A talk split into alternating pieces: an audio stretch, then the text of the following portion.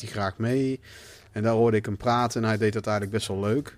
Ehm, want kijk, voor hetzelfde Ja. geld is het... Yellow, yellow, yellow, yellow. Hey! Hey, hey, hey, hey. Hey, what up, what up? Hey Benjamin, hallo. Hallo. Hey, Ik, volgens eh, mij is die in mijn eh, spambox eh, beland. eh, want Ja. ik kreeg net een mailtje en ik dacht al, eh, damn, waar zijn die gasten? Nou, ik, ik bedacht me dat dus net van, oh wacht, dat was bij anderen ook gebeurd in het begin dat hij in de spambox kwam. Dus ik eh, laat ik jou eventjes mailen eh, dat ik hem al gestuurd heb via de normale mail, zeg maar. Ja, onze- ja, nou is nou gelukkig. We hadden het echt net eh, over We jou. zijn net klaar. Nou, leuk dat je nog even bij, voorbij komt.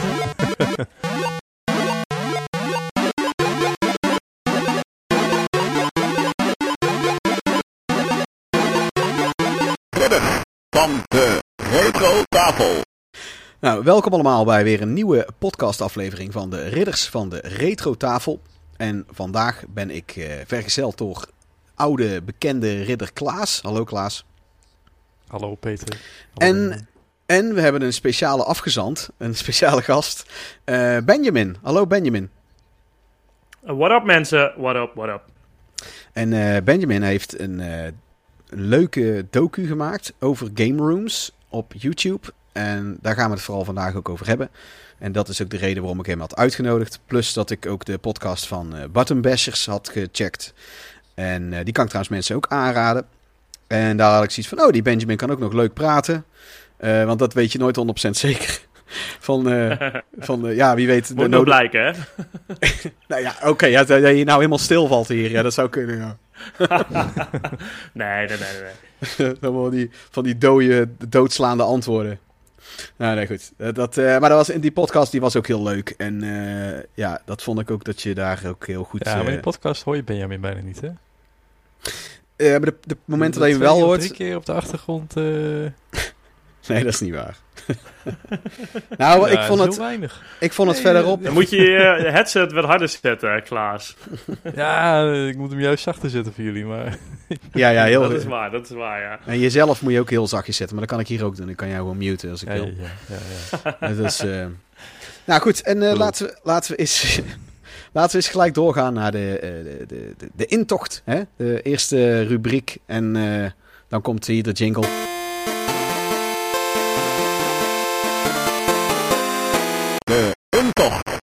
Ja, de- hij is ook mooi. Ja. Goed, en de intocht, daar gaan we het hebben over eh, wat wij de afgelopen periode hebben gezien, gespeeld en eh, gekocht eventueel. En eh, ja, wie kan hiermee de... Heb, jij- heb jij iets leuks te melden, Benjamin? Heb jij nog afgelopen week iets vets gegamed? Of een vette film ja, ik zat gezien? dus net even te kijken. Ik kijk dus heel weinig films en heel weinig series. En ik game, ik heb een game ook echt heel weinig. Behalve af en toe eh, retro shit. En eh, als ik weer een keer echt iets op de Switch heb, omdat daar zeg maar speel ik games die ik gewoon in mijn leven nog niet eerder heb gespeeld. Ik ben, wat dat betreft ga ik echt klinken als een oude lul, maar veel wat ik voorbij zie komen, denk ik van ja, dat, daar heb ik al iets van gespeeld wat hierop lijkt. Eh, en ik vind het voordeel van als je een retro game pakt, dat je gewoon meteen er middenin zit. Ehm, dus ik dacht van ja, dat is niet, niet echt zeg maar wat, wat nu on top of my mind is. Waar ik nu echt helemaal ingedoken ben. En dus eigenlijk een beetje dankzij of ondanks een vriend van mij. Die is helemaal lijp van echt hoge kwaliteit hi-fi audio eh, shit. Denk aan goede oortjes, goede koptelefoons, goede boxen. eh, en eh, dat is allemaal hartstikke duur natuurlijk. En hij heeft al, al dat dure spul ook in zijn huis staan. Alleen hij vertelde denk ik twee weken geleden, vrijdagavond, vertelde hij van... joh, Benjamin, wat ik nou toch heb? Hij zei, het is er gelukt. De Chinezen hebben het goed nagemaakt. De hi-fi. En toen pakte hij gewoon, zeg maar, in-ear oortjes.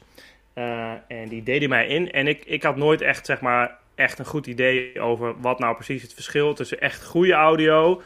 eh, goede kwaliteit, zeg maar, koptelefoon of, of whatever. Of, en natuurlijk wel, weet je, als je echt crap koopt, dan is het, klinkt het crap. Maar gewoon dat je echt het volle geluid om je heen, eh, alle instrumenten hoort, hoe ze moeten klinken, waar ze, waar ze zitten, dat gewoon je hele kop meedoet, zeg maar. En, en ik deed die oortjes in en damn, ik wist echt niet wat me overkwam. Zo, zo vet vond ik het.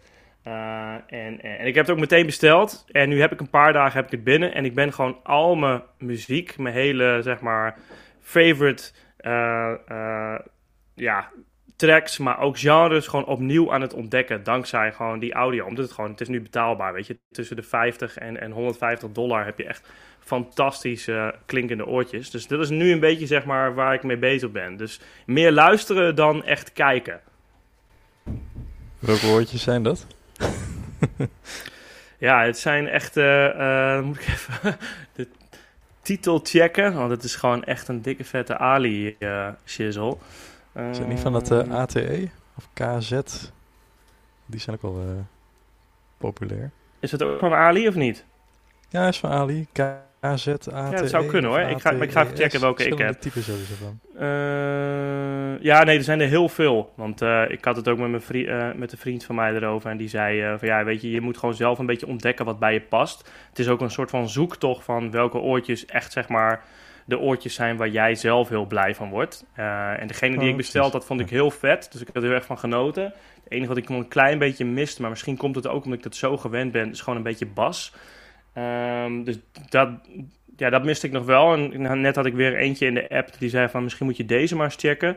En degene die ik ehm, gekocht heb, die, echt die app van Ali is ook gewoon één groot circus als je hem opent. Maar een beetje zoeken wat, eh, wat, wat je nou... Oh ja, ik heb eh, besteld de Tin Hi-Fi eh, T2 Plus. 50 dollar. Oké, Ah, ken ik niet.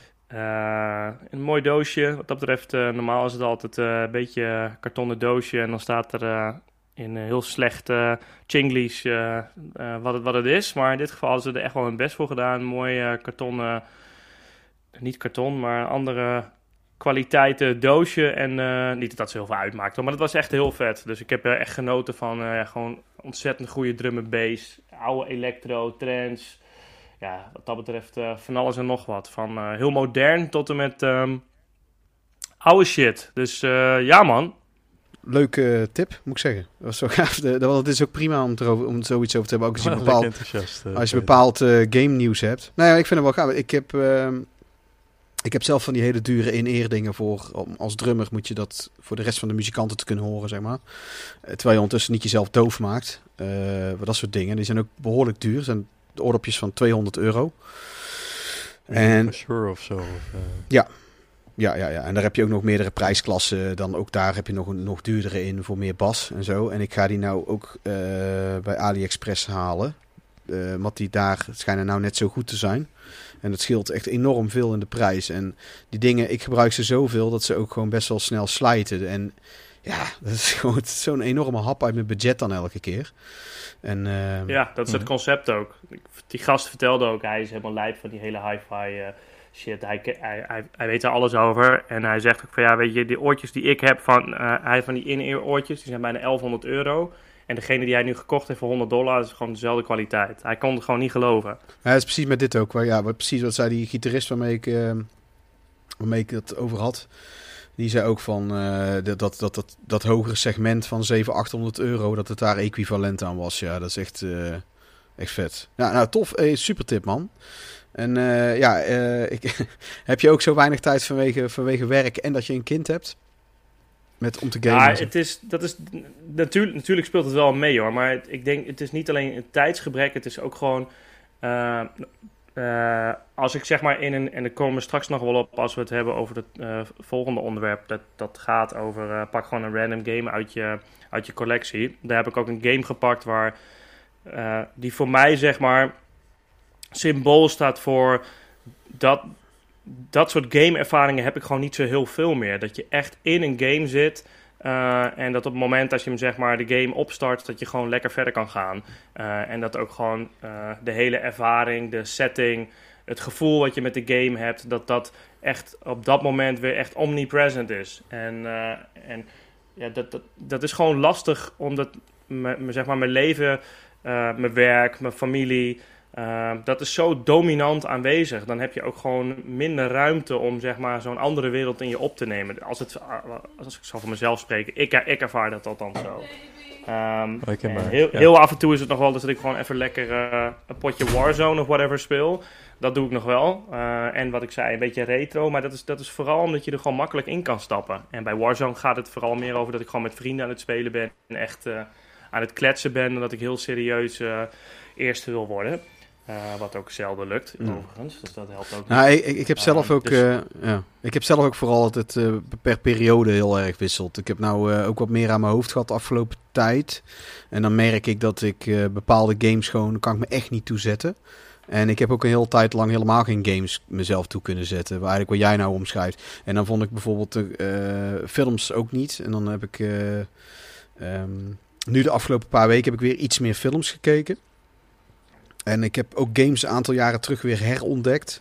Voor mezelf van, oh ja, dit, dit vind ik bepaalde genre games en zo herontdekte ik eigenlijk wel weer. En toen merkte ik zelf van, ah, ik, ik, heb dit echt wel weer gemist. Ik vind games toch nog steeds wel tof.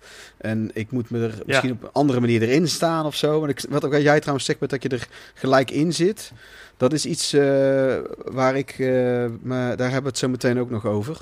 Bij, want dat is met veel games heb ik daar ook moeite mee. Eh, dat, is, dat, dat is een typisch ding. Dat, dat, eh, het hoeft niet altijd een introductie te hebben van een half uur. Ja, want, want ik zag volgens mij op je Insta dat jij best wel eh, ehm, eh, een goed gevoel had, of tenminste wel enthousiast bent over de nieuwe Cyberpunk, toch? De nieuwe, de enige Cyberpunk. ja, maar ik heb er heel lang over gedaan om daarin te komen. Dat is wel, daar kwam ik ja, niet in. same, same. Ja, maar Oh, dat heb ik bij ja, alle. hetzelfde. Ik heb dat, van, dat heb ik vandaag nog gepost, toevallig, of gisteren. Eh, ja, daar heb ik ook bijgeschreven bij die, eh, al, die ex, al die figures die ik had gekocht. Daar had ik ook bijgezet van eh, dat het bij mij, dat ik, want ik ben hem nu weer aan het spelen, ja. Zullen we dan doorgaan? Dan ga ik wel, doen we het eventjes als bruggetje naar mij. Ja. ik heb inderdaad, ik ben nou weer Cyberpunk gaan spelen en nu pas kwam ik erin. En ik, ik betrapte mezelf erop. Ik heb dat met alle CD Projekt Red games tot nu toe gehad. Of project games, moet je zeggen. Alsof iemand dat doet buiten... Project. Project. Project. CD Projekt Red. En eh, ik vind hun games echt... Japans. Ik vind hun games echt vet. Maar ik heb dat bij The Witcher 2 en The Witcher 3 had ik het precies hetzelfde. Ik, om een of andere reden, eh, eh, als je op papier kijkt of, of eh, analytisch bekijkt hoe het begint, die games, dan zou het eigenlijk heel goed moeten werken. Maar voor mij werkt het bij geen één titel. Bij The Witcher 3 heb ik, ben ik er ook nooit ingekomen. En The Witcher 2 heb, ik drie keer opnieuw begonnen en heb ik heel veel moeite moeten steken. Uiteindelijk vind ik ze kei vet, die spellen. En dat is bij Cyberpunk ook. Ik, nou zit ik er eenmaal in. En dan heb ik dus echt al, al acht uur erop zitten of zo. Of, of misschien wel meer, Mhm. ik weet niet. Ik had vorige podcast had ik, eh, gezegd 15 uur, maar dat had ik volgens mij nog niet hoor. Ehm, nou, ik terugkijk. Nou, het, het- nu zit ik er echt in. Nu, nu voel ik echt een band met de hoofdpersoon. Ik, een band met, met mede-characters. En, en, eh, en, en dat ik echt, nou ben ik ook heel benieuwd hoe het verhaal verder gaat. Ik ben benieuwd wat er gaat gebeuren. En ik, ik heb nou ook een dorst naar het verkennen van die stad. Dan had ik acht uur lang, lang had ik dat eigenlijk niet. en dat is, ja, en, eh, ja, ik ben heel blij dat ik dat nou heb. Of, eh, Ja, de proloog, daar kan je al zes, zeven uur over doen voordat je daar bent. Eh, ik, ik, ligt, Ja, aan hoe, ligt, sowieso. ligt eraan hoe je speelt ook, hè? Ligt eraan hoe je speelt. Ehm, maar dat, Mhm. ja, ik ben er wel heel blij om. En ik heb verder... ehm, Het is wel zoals je echt, zeg maar, eh, erin komt. Bijvoorbeeld als, als een missie je gewoon echt grijpt en je zit erin. Dan is het wel echt een keiharde game. Ik vond wel, ik heb echt... eh, ik weet nog, de eerste missie waarbij ik er echt in kwam, speelde ik hem eh, eh, op mijn game room gewoon, zeg maar, in mijn, met de beamer. En dan gewoon echt snoeiharde, snoeihard geluid aan. Ja, dat was wel, ik dacht, what the fuck is dit? En Ja. ja. Maar het is, het is dan wel zo, ja, de, de, de- dat duurt gewoon wel even. Je moet, Ja. je moet wel even, je moet, moet ook zelf even wel je mindset ervoor hebben om al dat geweld, want het is best wel een intense stad. En die missies zijn ook echt wel intens, vind ik zelf, als je het gewoon echt op een goede manier doet. Eh nou goed, dat wil ik nog even zeggen. ja, nee, dat, dat ben ik het mee eens. Hm. En het is, maar ik heb vooral... Ik, ik, sommige games die weten je meteen naar binnen te trekken en andere niet. En dan wil ik binnenkort... In de podcast hebben we daar een keer een aparte... eh, eh, als topic hebben we het daar een keer over. Ehm, als, en als jij daar trouwens graag aan mee zou willen doen, maar ben je van mij betreft welkom. Ik heb ook... eh, eh, Leuk topic, ja. Ja, en ik, het, dat, want dan kunnen ook het PlayStation 2-era is ook een hele aparte. Want er ging, toen is er een hele verandering in gekomen en zo. Ik heb ondertussen Gargoyles Quest voor de Game Boy gespeeld. Echt als retro game. Ehm, ik ben echt fan van die eh, reeks games. En die zijn best wel onbekend. Want je speelt daarin een demon, die heet Firebrand. En alleen dat al vind ik origineel. Ik wil zelf ook eigenlijk heel graag een game maken in die stijl. Daar ben ik toen twee jaar terug aan begonnen. Ehm, omdat ik een grafische achtergrond heb en een achtergrond in muziek. En eh, heb ik eigenlijk dacht ik van nou, ik heb wel alle chops in huis om het in mijn eentje te kunnen maken. Ik moet alleen even eventjes leren programmeren. en ik, eh, ik heb gewoon de tijd niet. Ik heb best wel serieus eh, ben ik in de programmering ook gedoken. Ik heb twee certificaatjes gehaald voor iets. Voor C Sharp. Eh, en toen, toen, heb ik, toen kwam een hele ellende op mijn werk dus. En toen heb ik ontslag genomen. En toen rolde ik fulltime in het drummerschap weer. En, ik vond, en toen kwam ik, werd ik vader van een tweede. Midden in de lockdown. En toen kwam coronavirus dus ook nog tussen. Het is, het is, als ik nou zo terugkijk, niet raar dat ik daar niet meer op terug ben gekomen. Eh, maar Gargoyles Quest is, een, acht- is de 8-bit eh, op de Game Boy. En het is een super ambitieuze game, want die kwam eigenlijk vrij in het begin uit van de Game Boy. En het is ehm, RPG en platformgame samen. Het speelt echt als een top-down Zelda, dat je van dorpje naar dorpje loopt. En zodra je dan in een gevecht komt, of wat dan ook, dan krijg je een platformlevel. En dat speelt echt superleuk. Het, is, het speelt oudbollig ook, want de gesprekken gaan allemaal traag. Maar ja, zoveel gesprekken heb je niet. Het is 8-bit spelletje.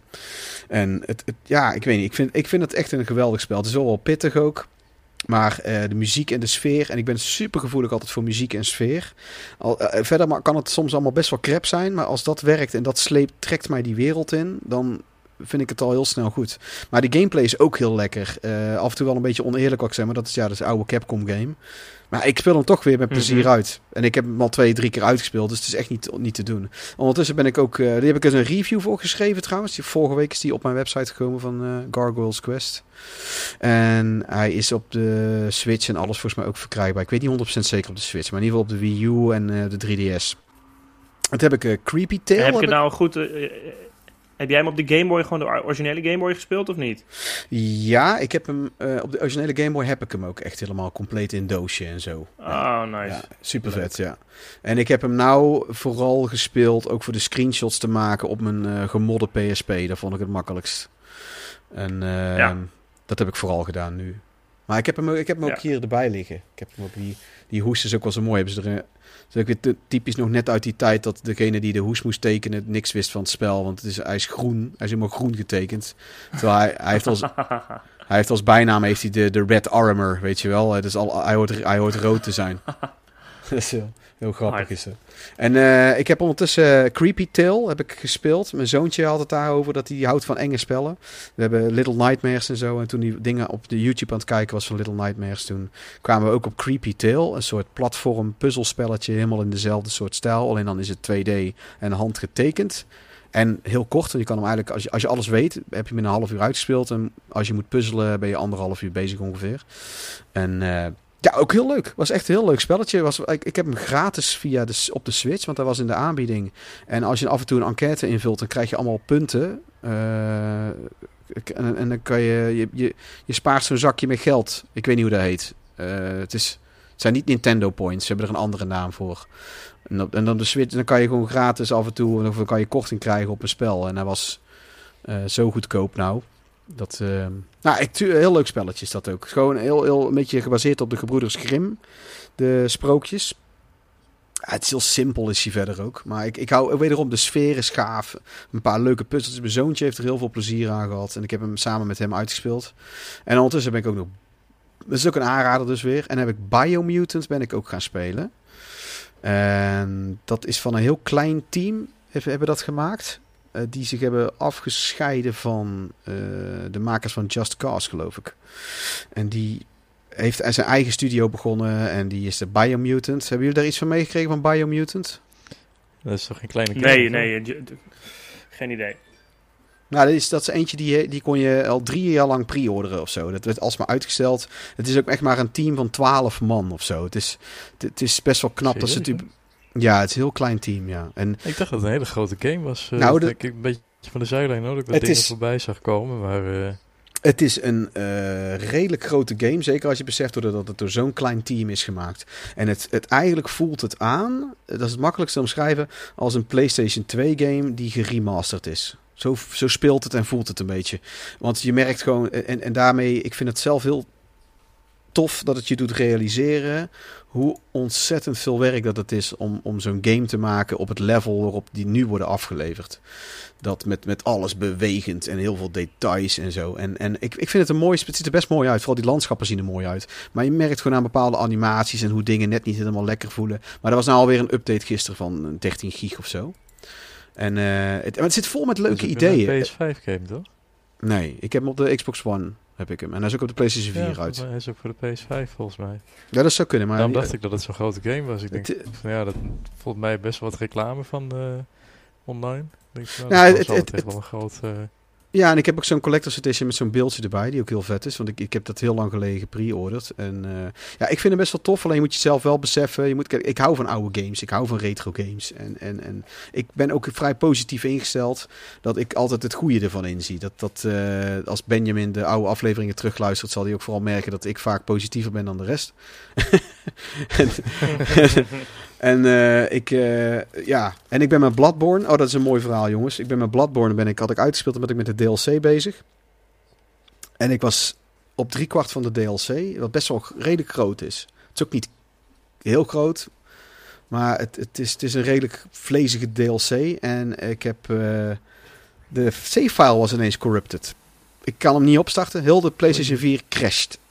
En ik moest eigenlijk dus helemaal opnieuw beginnen. 70 uur. Die ik in de afgelopen... Oh. Dat ga je ook doen. Dat nee, doe je ik, dan ook. ik had een backup. Nee, nee, maar dat had ik nou. Ik heb, nee, dan, nee. Oh, oké. Ik heb een backup had ik gemaakt voordat ik de DLC begon. Toevallig heb ik die gemaakt. Omdat ik, eh, wat ik nou, nou deed bij die game was, ik speelde hem een heel stuk. En dan ging ik terugkijken bij iemand die zo'n walkthrough deed. Of ik specifieke dingen had gemist en zo. En, en, en hoe hij dat dan deed. En zo had ik dan geen spoilers. Maar dan kreeg ik wel af en toe een hintje van als hij dan zegt... Ja, eigenlijk moet je nou hier links gaan. Oh, heel dat pad had ik niet gezien. Dat scheelt me dan weer uren zoeken, weet je wel. En, eh, en hij eh, had gezegd ergens op voor de eindbasis dat dan van je moet nou moet je een backup maken. Voor de, dan kan je meerdere, dan kan je eh, meerdere eindes kan je halen. Want het is op het einde, dan moet je maar twee keer een andere beslissing nemen. En dan kan je gelijk die eindes ook zien. Want zo de moeite waard om het helemaal opnieuw te spelen is het niet. Dus maak gewoon een backup van je save. En toen dacht ik van nou weet je, dan laat ik dat inderdaad doen. Toen heb ik inderdaad die drie eindes achter elkaar gehaald. En eh, die inderdaad niet de moeite waard zijn om daar heel de game uit te spelen. Om die ene, dat is een filmpje wat net iets anders is van 30 seconden te zien. en eh, ja, godzijdank, godzijdank heb ik dat naar dat advies geluisterd. Want anders had ik, nou ben ik de DLC opnieuw gaan doen. Dat ben ik wel meteen gaan doen. En eh, dan, ja, het, het speelt gewoon heel vet. Als je er goed in bent, speelt het echt heel vet. Het is een van de beste games die ik ooit gespeeld heb eh, op die manier. Zo'n third person eh, hack and slash game in zo'n gotische horror setting. Het is echt heel uniek daarin. En het lijkt alsof ik trouwens veel heb gegamed, maar dat is echt, we hebben het een uurtje op zaterdag, een, eh, twee uurtjes op zondag of zo. En het, is ook echt heel weinig. En ik heb, eh, en ik ga beginnen aan, eh, dat is een aanrader. Ik denk dat jij die misschien ook wel tof vindt, eh, Benjamin. Want je had een hele vette aanrader, had jij bij die podcast van Button Bashers. Ehm, Oh, nice. Ja, met die, die Japanse stijl games die gemaakt zijn door die Britse gast. Het is een Rus. Oh, een Rus is het, sorry. Heb ik Ja. verkeerd onthouden. Ja, nee, maar niet uit. Ik heb, eh, want ik ga nou, mijn zoontje is nu helemaal fan van Japan. Hij heeft altijd zijn maandelijkse obsessie. Ik heb Short Piece, eh, Ranko Tsukigime's Longest Day, heb ik nou erbij gepakt. Dat is, eh, voor, What the fuck? dat is voor en door Japanners. Dat is met de animatiestudio's. En dan hebben ze een soort vijf episodes waarvan eentje een game is. En die is van Suda51 of Suda Goichi, die van Killer 7 en zo bekend. Van Grasshopper Studios. Ook van No More Heroes op de Wii. En Kun je die, die eh, nog een keer herhalen? ja, Short Piece.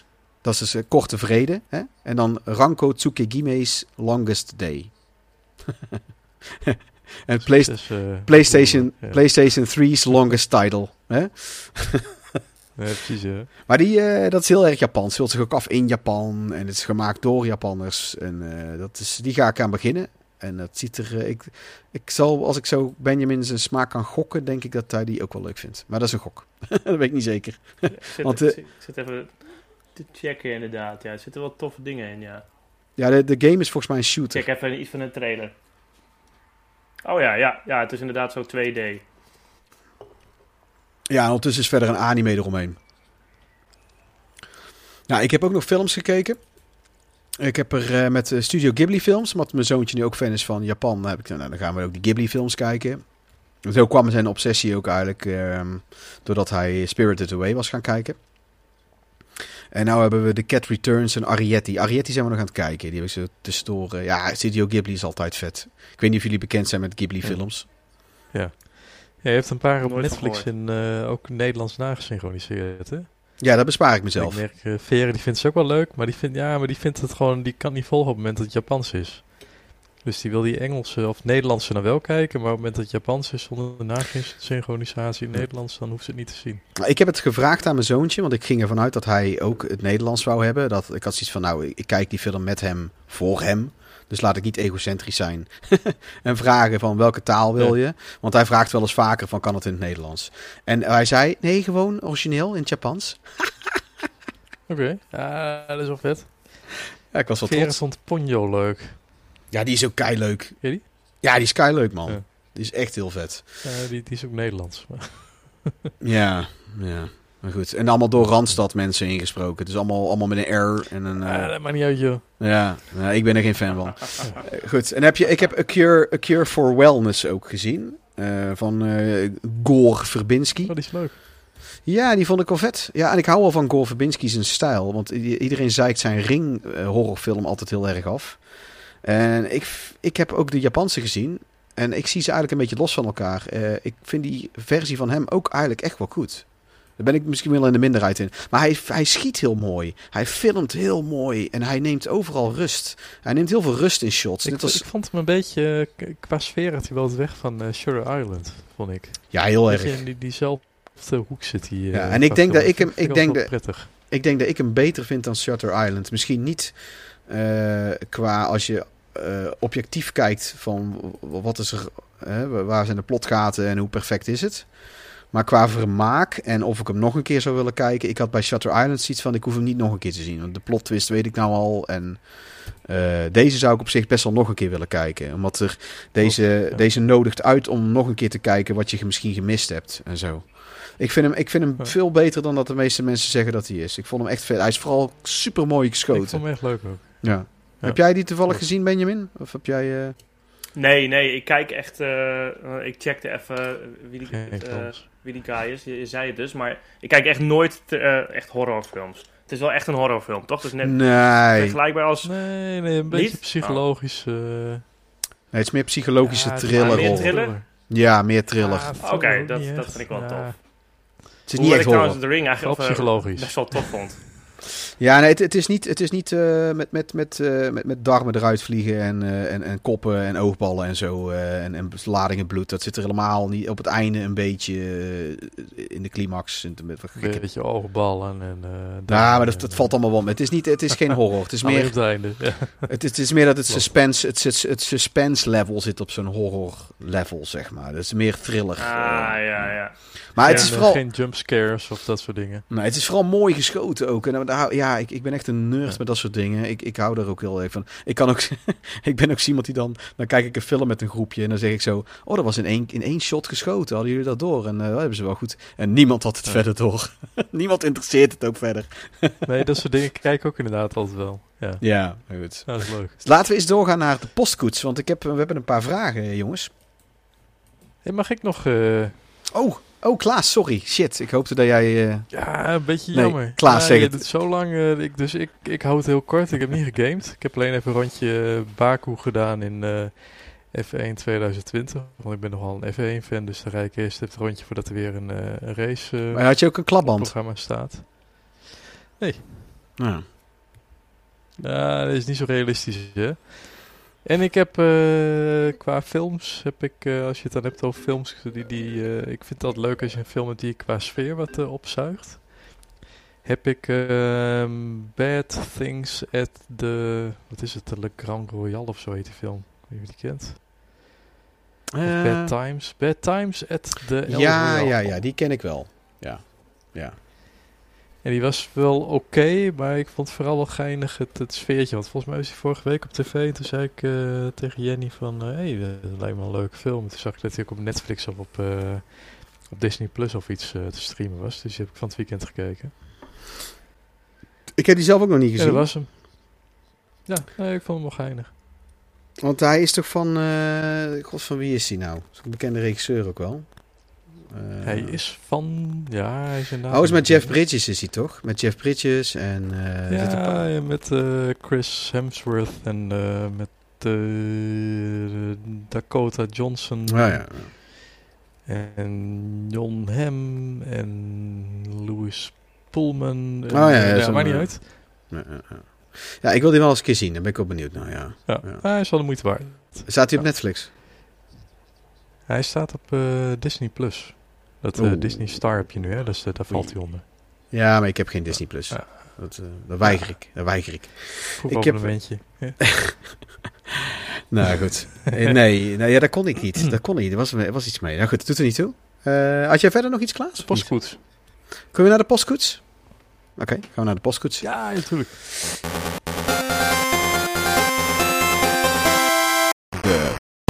De postkoets. Nou, we hebben eh, een vraag van, eh, die ken ik via, die heeft via Instagram een vraag gesteld. Onze Martien Abrahamse. Dat is iemand die regelmatig ook reageert op mijn artikelen en zo. En die had een vraag, ja, ik denk dat we er vrij kort over kunnen zijn. Wat is onze mening over de nieuwe Resident Evil? Nou ja, ik heb hem zelf dus nog niet gespeeld. Hij lijkt mij hartstikke vet. Hij lijkt mij een hele vette game. maar ik kan er meer niet over zeggen. Heb jij, eh, wat zeg jij? Wat heb jij er van te zeggen, Klaas?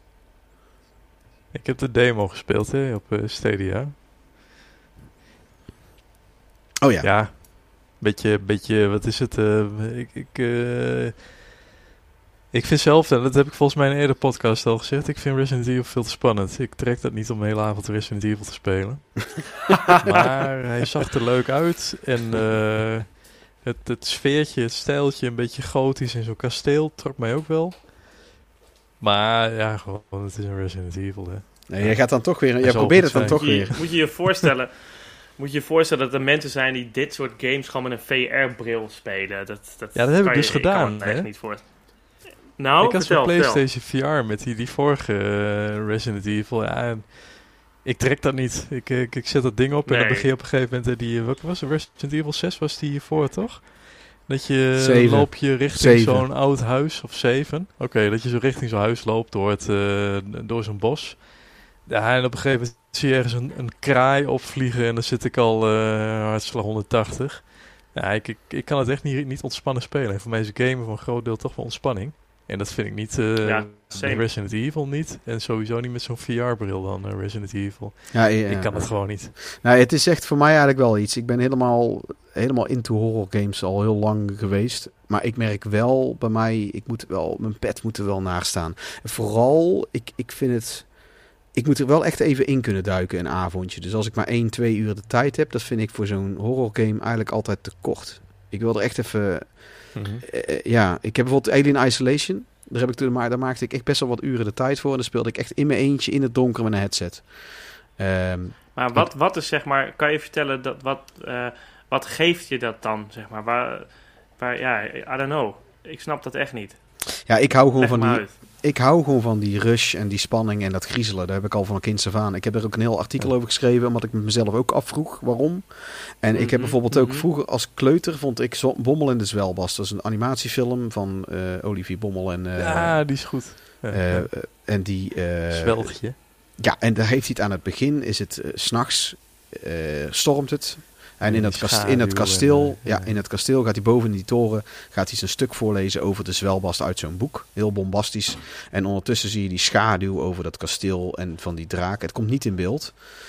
En ja, echt, ik scheet in mijn broek als kind. En elke week ging ik het weer opnieuw proberen. En dan ging ik achter de bank Geweldig, zitten ondertussen. ja, en weer ja. ging ik het proberen. En ik heb ook helemaal een rationele verklaring ergens niet. Behalve dat ik, ik, heb, ik hou wel van uitdagingen. Dat heb ik ook altijd. En ik wil altijd, als ik soms verklaar ik ook een spel de oorlog. Dan wil ik het ook per se uitspelen ook. Dat heb ik tegenwoordig minder. Want ik heb gewoon de, de tijd niet om, om... Dan heb ik zoiets van, nou, dit is zonde van mijn tijd. Maar in mijn horrorspellen Dead Space vind ik bijvoorbeeld ook helemaal geweldig. Maar ik moet er wel in de mood voor zijn om, om in die rare, duistere sfeer te duiken. Dat, nou ga ik het binnenkort ook met iemand hebben over, eh, die heeft een filmpodcast. Gaan we het over zo'n film hebben die, die ik niet, waar ik niet van hou, die bijvoorbeeld slecht eindigt. Dat is ook zoiets. Dan vraag je ook, waarom zou je een film Ja, kijken? Waarom zou je een film kijken? The Requiem for a Dream gaan we het over hebben. Ehm, en- Oh ja, ja, dat is ook wel echt, echt de film waar... slecht ja, ja, nou, dat is dus, dat is, ja, damn. Oh, ja. dat is echt gewoon de, neerwa de, de neerwaartse spiraal eh, ten top. Maar, en ik heb Oh, die film... is trouwens... Maar... Ja? Ja, sorry. Nee, anders dan. Nou, ik heb er met iemand over gehad. Ik heb er met een verjaardag had ik het daar met iemand over. Die was helemaal fan van die film, een fan van Aronofsky. En ik had toen alle films van Aronofsky ook gezien. En Pi was zijn eerste film. Pi. Over een wiskundige. Die langzaam helemaal gek wordt. Een beetje David Lynch-achtig is die film eigenlijk. En ik heb die film zes, zeven keer gezien. Ik kreeg geen genoeg van die film. Maar hij zei van, dat snap ik niet. Hij zei, ik trek die film gewoon niet. Ik vind het zo zwaar om naar te kijken. Maar hij keek wekelijks Requiem for a Dream. Waarbij ik zoiets had van, dat, dat- Jezus, Mina, wat doe je jezelf aan? Als je mij dat elke week laat kijken, dan spring ik van een brug over een maand. Weet je wel, dat, ik trek dat echt niet. Ik heb die film één keer gezien, s'nachts in mijn eentje op een vrijdagavond, kan ik me herinneren. Want Mhm. Theo Maas was de gast bij Zomergasten en hij had met zijn zagrijnige hoofd hij die film aangeraden. En ik had echt zoiets van, ik ben blij dat ik hem gezien heb en ik hoef hem nooit meer nog een keer te zien. En ja, ik snap ook dat mensen hetzelfde denken dus over horror. Eh, maar wat wou jij nog zeggen, Klaas, over dan over Requiem for a Dream? Nou, we hadden het over eh, wat ik afgelopen eh, tijd had gedaan. En eh, dat jij een hekel hebt aan films die slecht aflopen. Ik heb eh eergisteravond nog eh, eh, Blue Miracle gekeken. Op Netflix. Echt. Het is precies wat je van tevoren van verwacht. Met een, een Mexicaans weeshuis. Met kinderen. Dat Mexicaans weeshuis. Dat, eh, ze hebben dan, die kerel die dat dan eh, beheert, zeg maar, die heeft geld nodig. Want anders dan worden ze het huis uitgezet. En dan doen ze op een gegeven moment sa- samen met een groepje van die kinderen uit het weeshuis mee aan een, of andere viswedstrijd. Die ze dan moeten winnen om dan een bepaald bedrag te winnen om dan die eh, hypotheek of wat dan ook is te betalen. Ja, weet je, het is gewoon zo'n feel-good movie. Hè? Een beetje drama tussendoor. En uiteindelijk dan vangen ze dan de winnende vis in die wedstrijd. En eh, is alles gered. Ik zei nog tijdens die film. Ja, ik heb nu de hele film gespoil- gespoild. Maar dat is gewoon, dat, dat weet je van Ja, tevoren toch inderdaad. dat het gebeurt. ja, dat maakt niet uit. Ik zei nog tegen Jenny van, eh, ik hoop dat ze die vis gewoon vangen en winnen. Want anders zou ik het echt een gigantische kutfilm vinden. Maar goed, hij loopt dus goed af. Dus ik ben met dat soort films, ja, ik, ik ben altijd wel met films en dat ook. Dit is zo'n tijd geweest, volgens mij eh, een jaartje of 15, 20 geleden. Dat het een beetje zo'n eh zo'n modeverschijnsel was dat alle films slecht moesten eindigen. En dat, Mm. daarna kreeg je die tijd met die shaky eh, camera. Ik denk, ja, dat hadden ze ook nooit hoeven te doen. Want ik erger me er steeds kapot aan. Dat die, die films in die tijd, dat de camera steeds zo wiebelt. Ik denk, van, hou die camera gewoon stil. Mhm. Dus je ziet toch altijd wel een bepaalde Trend. Ja. stijl of een, bepaald, een bepaalde trend in films. Ja, ik heb, niet eh, altijd even goed. Nee, ik vond hem het slechte einde. Ik, ik vind dat is, een enkele keer trek ik een slecht einde wel. Maar het, meestal vind ik het. eh, Ja, ik, ik vind het ook niet erg als het hoeft ook niet super goed te eindigen. eh, Dat het tussenin zit of zo. Dat vind ik ook prima. Maar met Precies. games, met games heb ik daar bijna nog meer. Vooral als je dan geen keuze hebt. Dat was het de PlayStation 1 had je Apocalypse met Bruce Willis die game. Dat is zo'n shooter, arcade shooter stijl. En die eindigt ook slecht. En ik vind, heb ik heel dat schietspel gespeeld. Eigenlijk dus voor niks. Zo voelt dat dan. einde, weet je. Ja, precies. Ja, en toen had ik ook zoiets van, nou, als ik nou alle geheimen vind of zo, krijg ik dan misschien het goede einde. Want dat had je toen ook al best wel vaak, dat een game dat had. Nee hoor, nee. Het is gewoon één einde. Op Maar het heb je het dan ook met, met, met, docu's, met docu's dan... eh, eh, want ik, ik heb laatst gekeken ook een docu, die heet Carousel. Carousel gaat over eh, eigenlijk eh, ja, jongeren die nog dieper in de shit zitten dan in de shit, zeg maar. En die kunnen dan bij een ehm eh, jongerencentrum terecht en dan krijgen ze heel veel support en zeg maar wel harde bazen die hun een beetje discipline bijbrengen. Maar die eindigt gewoon waar die eigenlijk mee begint. Dat de jongeren zijn nog net zo ver als dat ze zeg maar daar binnenkomen. En dat, Ja, maar- dat is ook een beetje de moraal van het verhaal. Ja, nou, ik, ik, dat, dat, Ja. dat is dan met een docu, dat is wat het is. Dat, dat, is, dat, dat is niet leuk, maar dat, Ja, vind ik dan min, dat vind ik wel minder erg. Want dat, dat, is, Ja. Dat is nou eenmaal zo dan. En ik vind het met, met, met, een film, echt. met een film heb je iets fictiefs eigenlijk.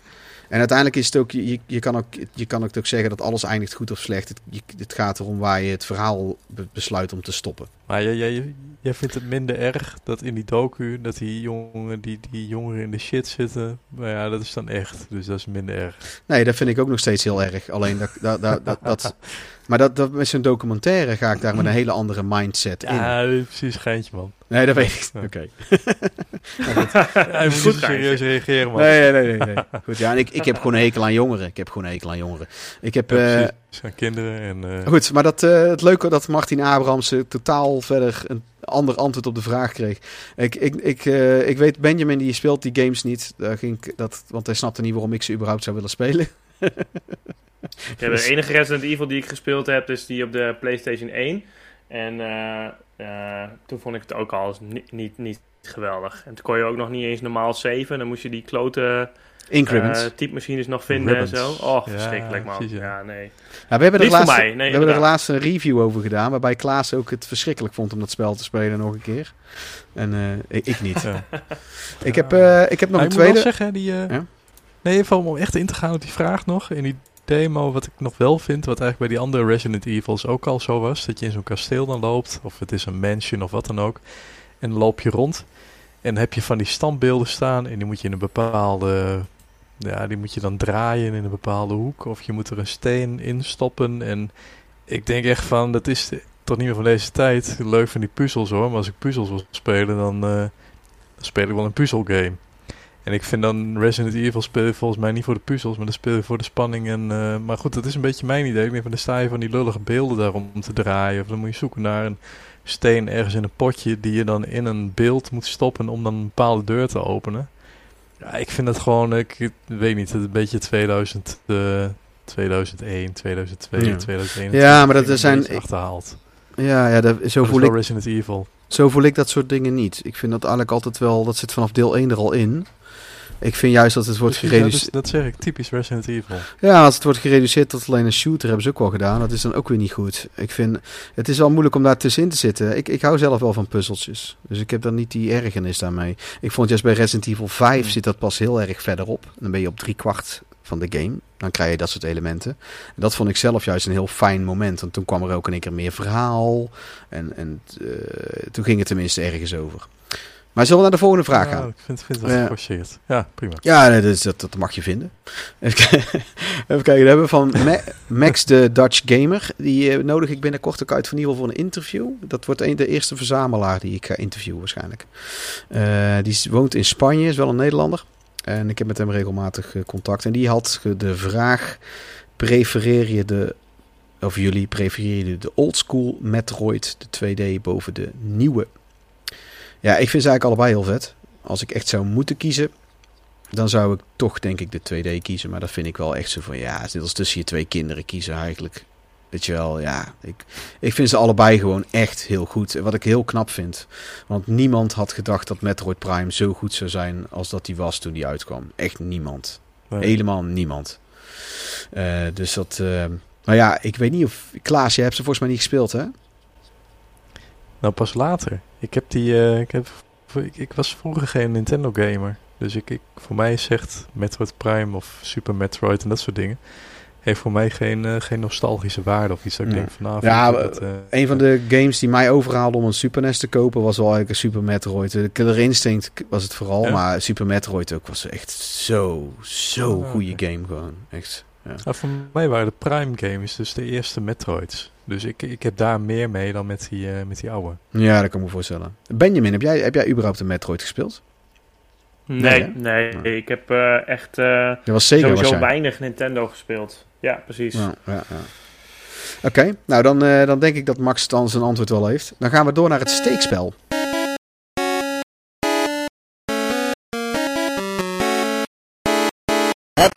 Spel. Wederom, ik, ik, ik heb vorige keer zei ik het ook al, ik heb de neiging om te gaan cheaten. Want iedere keer, ik- laat volledig willekeurig via een randomizer een getal eruit rollen binnen de Excel-sheet van eh, wat ik heb van mijn collectie. Ik heb mijn volledige collectie in een Excel-sheet gezet, eh, jaren terug. Die hou ik regelmatig bij. En ik heb daar onderin dus met een formuletje dat er altijd, dat hij altijd als ik hem opstart, willekeurig een, eh, een game eigenlijk eruit prikt. Dat heb ik jaren, Mhm. terug, jaren terug heb ik dat al gedaan, want toen ging ik dat dan reviewen en zo. En eh, nou komt er van de vier, ik heb het nou vier keer gedaan, maar bij de derde keer wou ik eh, een ander spel. Degene die er als tweede kwam uitgerold, wou ik eigenlijk niet pakken. En toen eh, had ik zoiets van, nee, ik moet gewoon, ik, ik moet het 100% eerlijk doen. Ik doe gewoon echt de eerste die eruit komt gerold. En het was gewoon de vier keer dat ik het dus had gedaan, want de derde heb ik nou dus niet meegeteld. Was het gewoon, iedere keer is het een handheld of een Game Boy spel tot nu toe. Terwijl, dat is niet eens een kwart van mijn collectie. dus ja. Maar goed, het is nou dus weer. Het is spel nummer 566 en dat is Doom voor de Game Boy Advance. En Je moet gewoon een nieuwe randomizer gebruiken. nou, ik ga het volgende keer iets anders doen. Ik ga denk ik eerst een eh, dobbelsteen rollen op welke console of zo. Maar dat, dat komt wel goed. Of jullie, Ja, moeten, precies. of jullie sturen Ja. mij een getal, want jullie hebben geen... Ik heb namelijk de volgorde niet heel logisch, dus jullie kunnen nou gewoon een getal opnoemen. Eh, en Doom voor de Game Boy Advance is wel een, eh, een zeldzame titel geworden, tegen ieders verwachting in, zoals dat altijd gaat. Eh, die is eh, ook al, er zijn ook al, eh, Metal Jesus was er ook al mee op YouTube dat hij een repro of een, een neppe had, zeg maar. Een, een KO-versie. Terwijl hij wist daarvoor niet eens dat dat bestond. Ik eerlijk gezegd ook niet totdat hij erover begon. Ik heb hem zelf gekocht bij de Intertoys. De sticker zit er nog op met het blije olifantje. En ik heb hem dus compleet in doos. En ik heb, hij is niet zo mint als dat de meeste van mij zijn. Want deze, hier heeft al een keer iemand in de winkel mee geknepen, denk ik een beetje. Maar het valt mee. Hij is eigenlijk nog wel... eh, ik zou hem 70, 75 geven of zo. En eh, het, leuke, het leuke is dat hij... eh, ik heb hem toen helemaal uitgespeeld op de Game Boy Advance. Want ik vond het echt geweldig dat je gewoon Doom op een handheld kon spelen. Dat was echt... Ja, toen ik 12, 13 was, kon ik daar alleen maar van dromen, joh. En ik was helemaal gek op handheld gaming. Al vanaf dat ik de Game Boy had. En ehm, ja, alleen één... Het speelt geweldig. En ze hebben zelfs die episode 4, die eh, Die Flash Consumed, heb je ook nog. Hè? Je hebt dus drie episodes. Toen hebben ze later nog een vierde uitgebracht. Ik weet niet of jullie dat wisten. Nee. Ja, er zijn vier episodes uiteindelijk van, van acht levels of zoiets. En ik heb die vierde nooit gespeeld vroeger, want dat, we hadden de versie met drie. En het was in de jaren 90, begin jaren 90, dus nou heel veel keuze had je ook allemaal niet. En dat, eh, ja, dus die zetten er ook allemaal bij, die extra levels. Dus dat is best wel eh, groot. Alleen de eindbazen zijn eruit. Dus er zit geen Cyberdemon in. En geen Mother Brain eh, spin, die ik weet niet hoe die heet, vergeet ik altijd. Mother Brain, volgens mij zoiets is het. Maar dat kan ook zijn, met, met Metroid deed hij ook zo, dus misschien dat ik, daar nou... eh, en, en dat vond ik echt, daar was ik zo pissig over. Want dat is de, op de Super Nintendo was die er ook uitgehaald. En daarbij is er een hele uitleg waarom dat, dat zo is. Want het is al een wonder dat hij überhaupt werkt op de Super Nintendo. Dat is echt zo'n programmeerwonder. Hè? Daar heb je ook hele mooie making-ofs en uitleggen over op YouTube. Van hoe knap dat het is gemaakt dat Doom op de Super NES werkt. Maar daarvoor hebben het dus Ja. uiteindelijk, om, om het qua memory en alles te kunnen laten werken, hebben ze dus die, die Cyberdemon en die andere eruit moeten halen, die grote spin. Ja, en ik vind dat toch irritant. ja, dan heb je het einde van zo'n level, dan heb je geen baas. Ik weet niet, ik kan daar niet zo goed uitstaan. Verder is het echt een heel vet spel. En eh, met een kleurenhandleiding ook. En eh, het ziet er allemaal verder heel mooi uit. Verder heb ik er niet heel veel over te zeggen eigenlijk. En wat wel heel leuk is, ik had ook aan Benjamin gevraagd of hij uit zijn collectie. Want jij had wel een mooie, kleine, bescheiden collectie, kan ik me herinneren dat jij zei. Ehm, Ja, dat is wel heel, heel bescheiden. Ik, ik, zit even te kijken hoeveel er zijn. Wat ik heb is... ehm, Drie denk, games, eh, één console, ja, inderdaad. Ik zit op mijn telefoon. en- tijden. Ja. Nee, Ik heb, nee, eh, ik heb eh, denk ik 15 originele Mega Drive games. Ik draai me even om omdat ik er even naar kijk. Eh, en ik denk een stuk of eh, eh, 30 PS1 games. Dus wat ik doe, eh, nog steeds, en wat ik ook gedaan heb, is eigenlijk zeg maar de games kopen die ik vroeger ook gespeeld heb. En heel af en toe is een uitzondering. Eh, eh, en dan wil ik ze wel origineel hebben. Eh, ook met een paar uitzonderingen nagelaten, omdat sommige gewoon te, te duur zijn geworden voor wat ik, eh, wat ik ermee speel. En een paar, Ja. eh, ik denk ook een twintigtal PlayStation 2 en wat Xbox, et cetera, et cetera. En voor nu heb ik een Xbox game, een Xbox 360 game gepakt.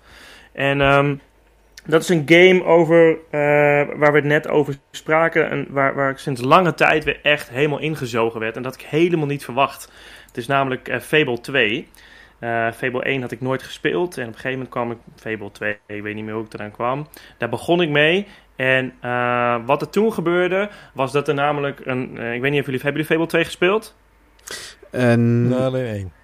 ik heb twee heel kort gespeeld. toen ben nou, ik weer ter- teruggegaan naar één. Maar ik weet, Ja, dat ze, zijn, wel, eh, maar... ze zijn echt heel vet. Ze zijn echt heel vette games.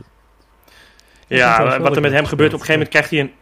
Ja, dat is met die hond. Dus hij krijgt, dat is zeg maar, dat vind ik het vette. Hij krijgt dus een hond en dat wordt zeg maar zijn buddy in de game. Die helpt hem. En ik had dat nog nooit zo meegemaakt dat ik dacht van, damn, ik moet echt goed voor die hond zorgen. En je kreeg ook echt zeg maar gevoel voor dat beest. En die blijft, eh, een behoorlijk gedeelte van het spel blijft die bij je. En tot en met zelf, er is een segment in de game, ik denk halverwege, dat je iets van twee of drie eh, ja, scenes in de game. Het zijn niet echt levels, omdat het redelijk, het is niet echt open world, maar ja, RPG is.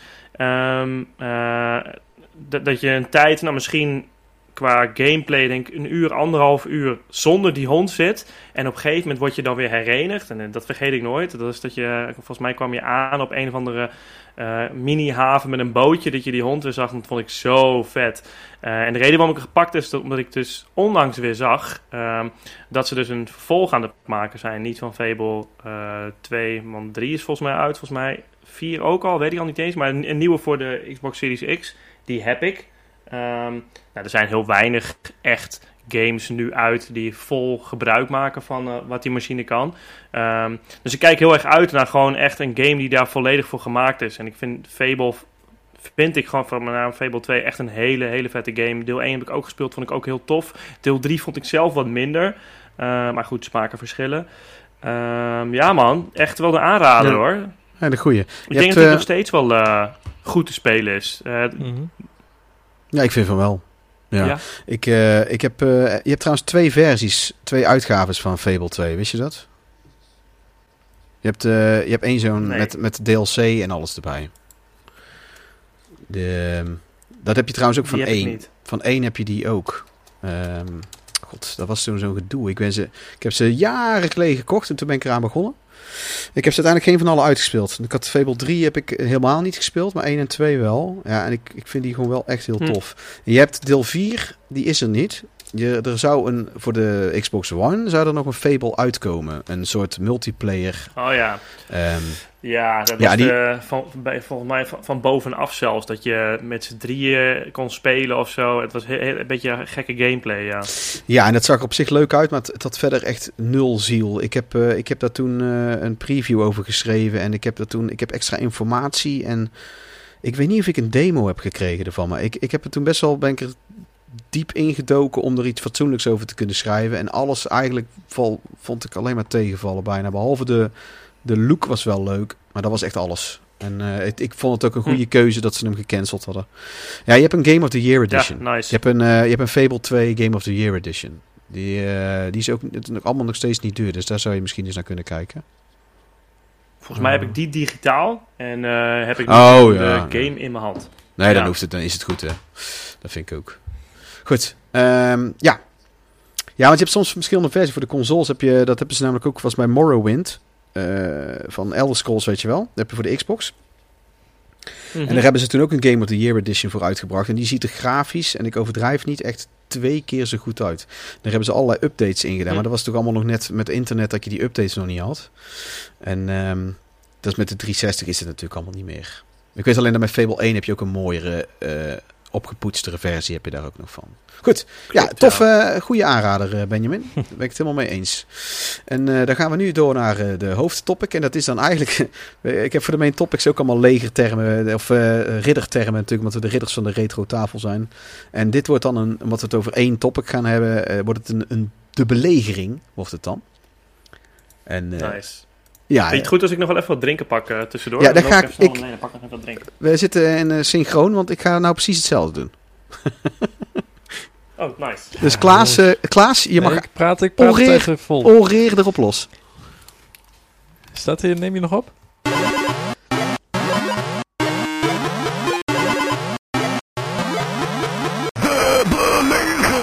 Laten we eerst even beginnen over die, die documentaire die Benjamin gemaakt heeft. Het is eh 35 minuten. Game Rooms. en ik, de eerste keer dat ik hem... Ik heb hem twee keer gezien nou. En ik heb eh, de tweede keer... Vond ik hem eigenlijk leuker nog. Wel typisch. Maar ik vond hem nou leuker. Hm. Ik had... eh, ik vind dat zo moeilijk met documentaires. Als je hem zelf maakt, lijkt me dat ook. Van waar is het eindstation en waar wil ik naartoe?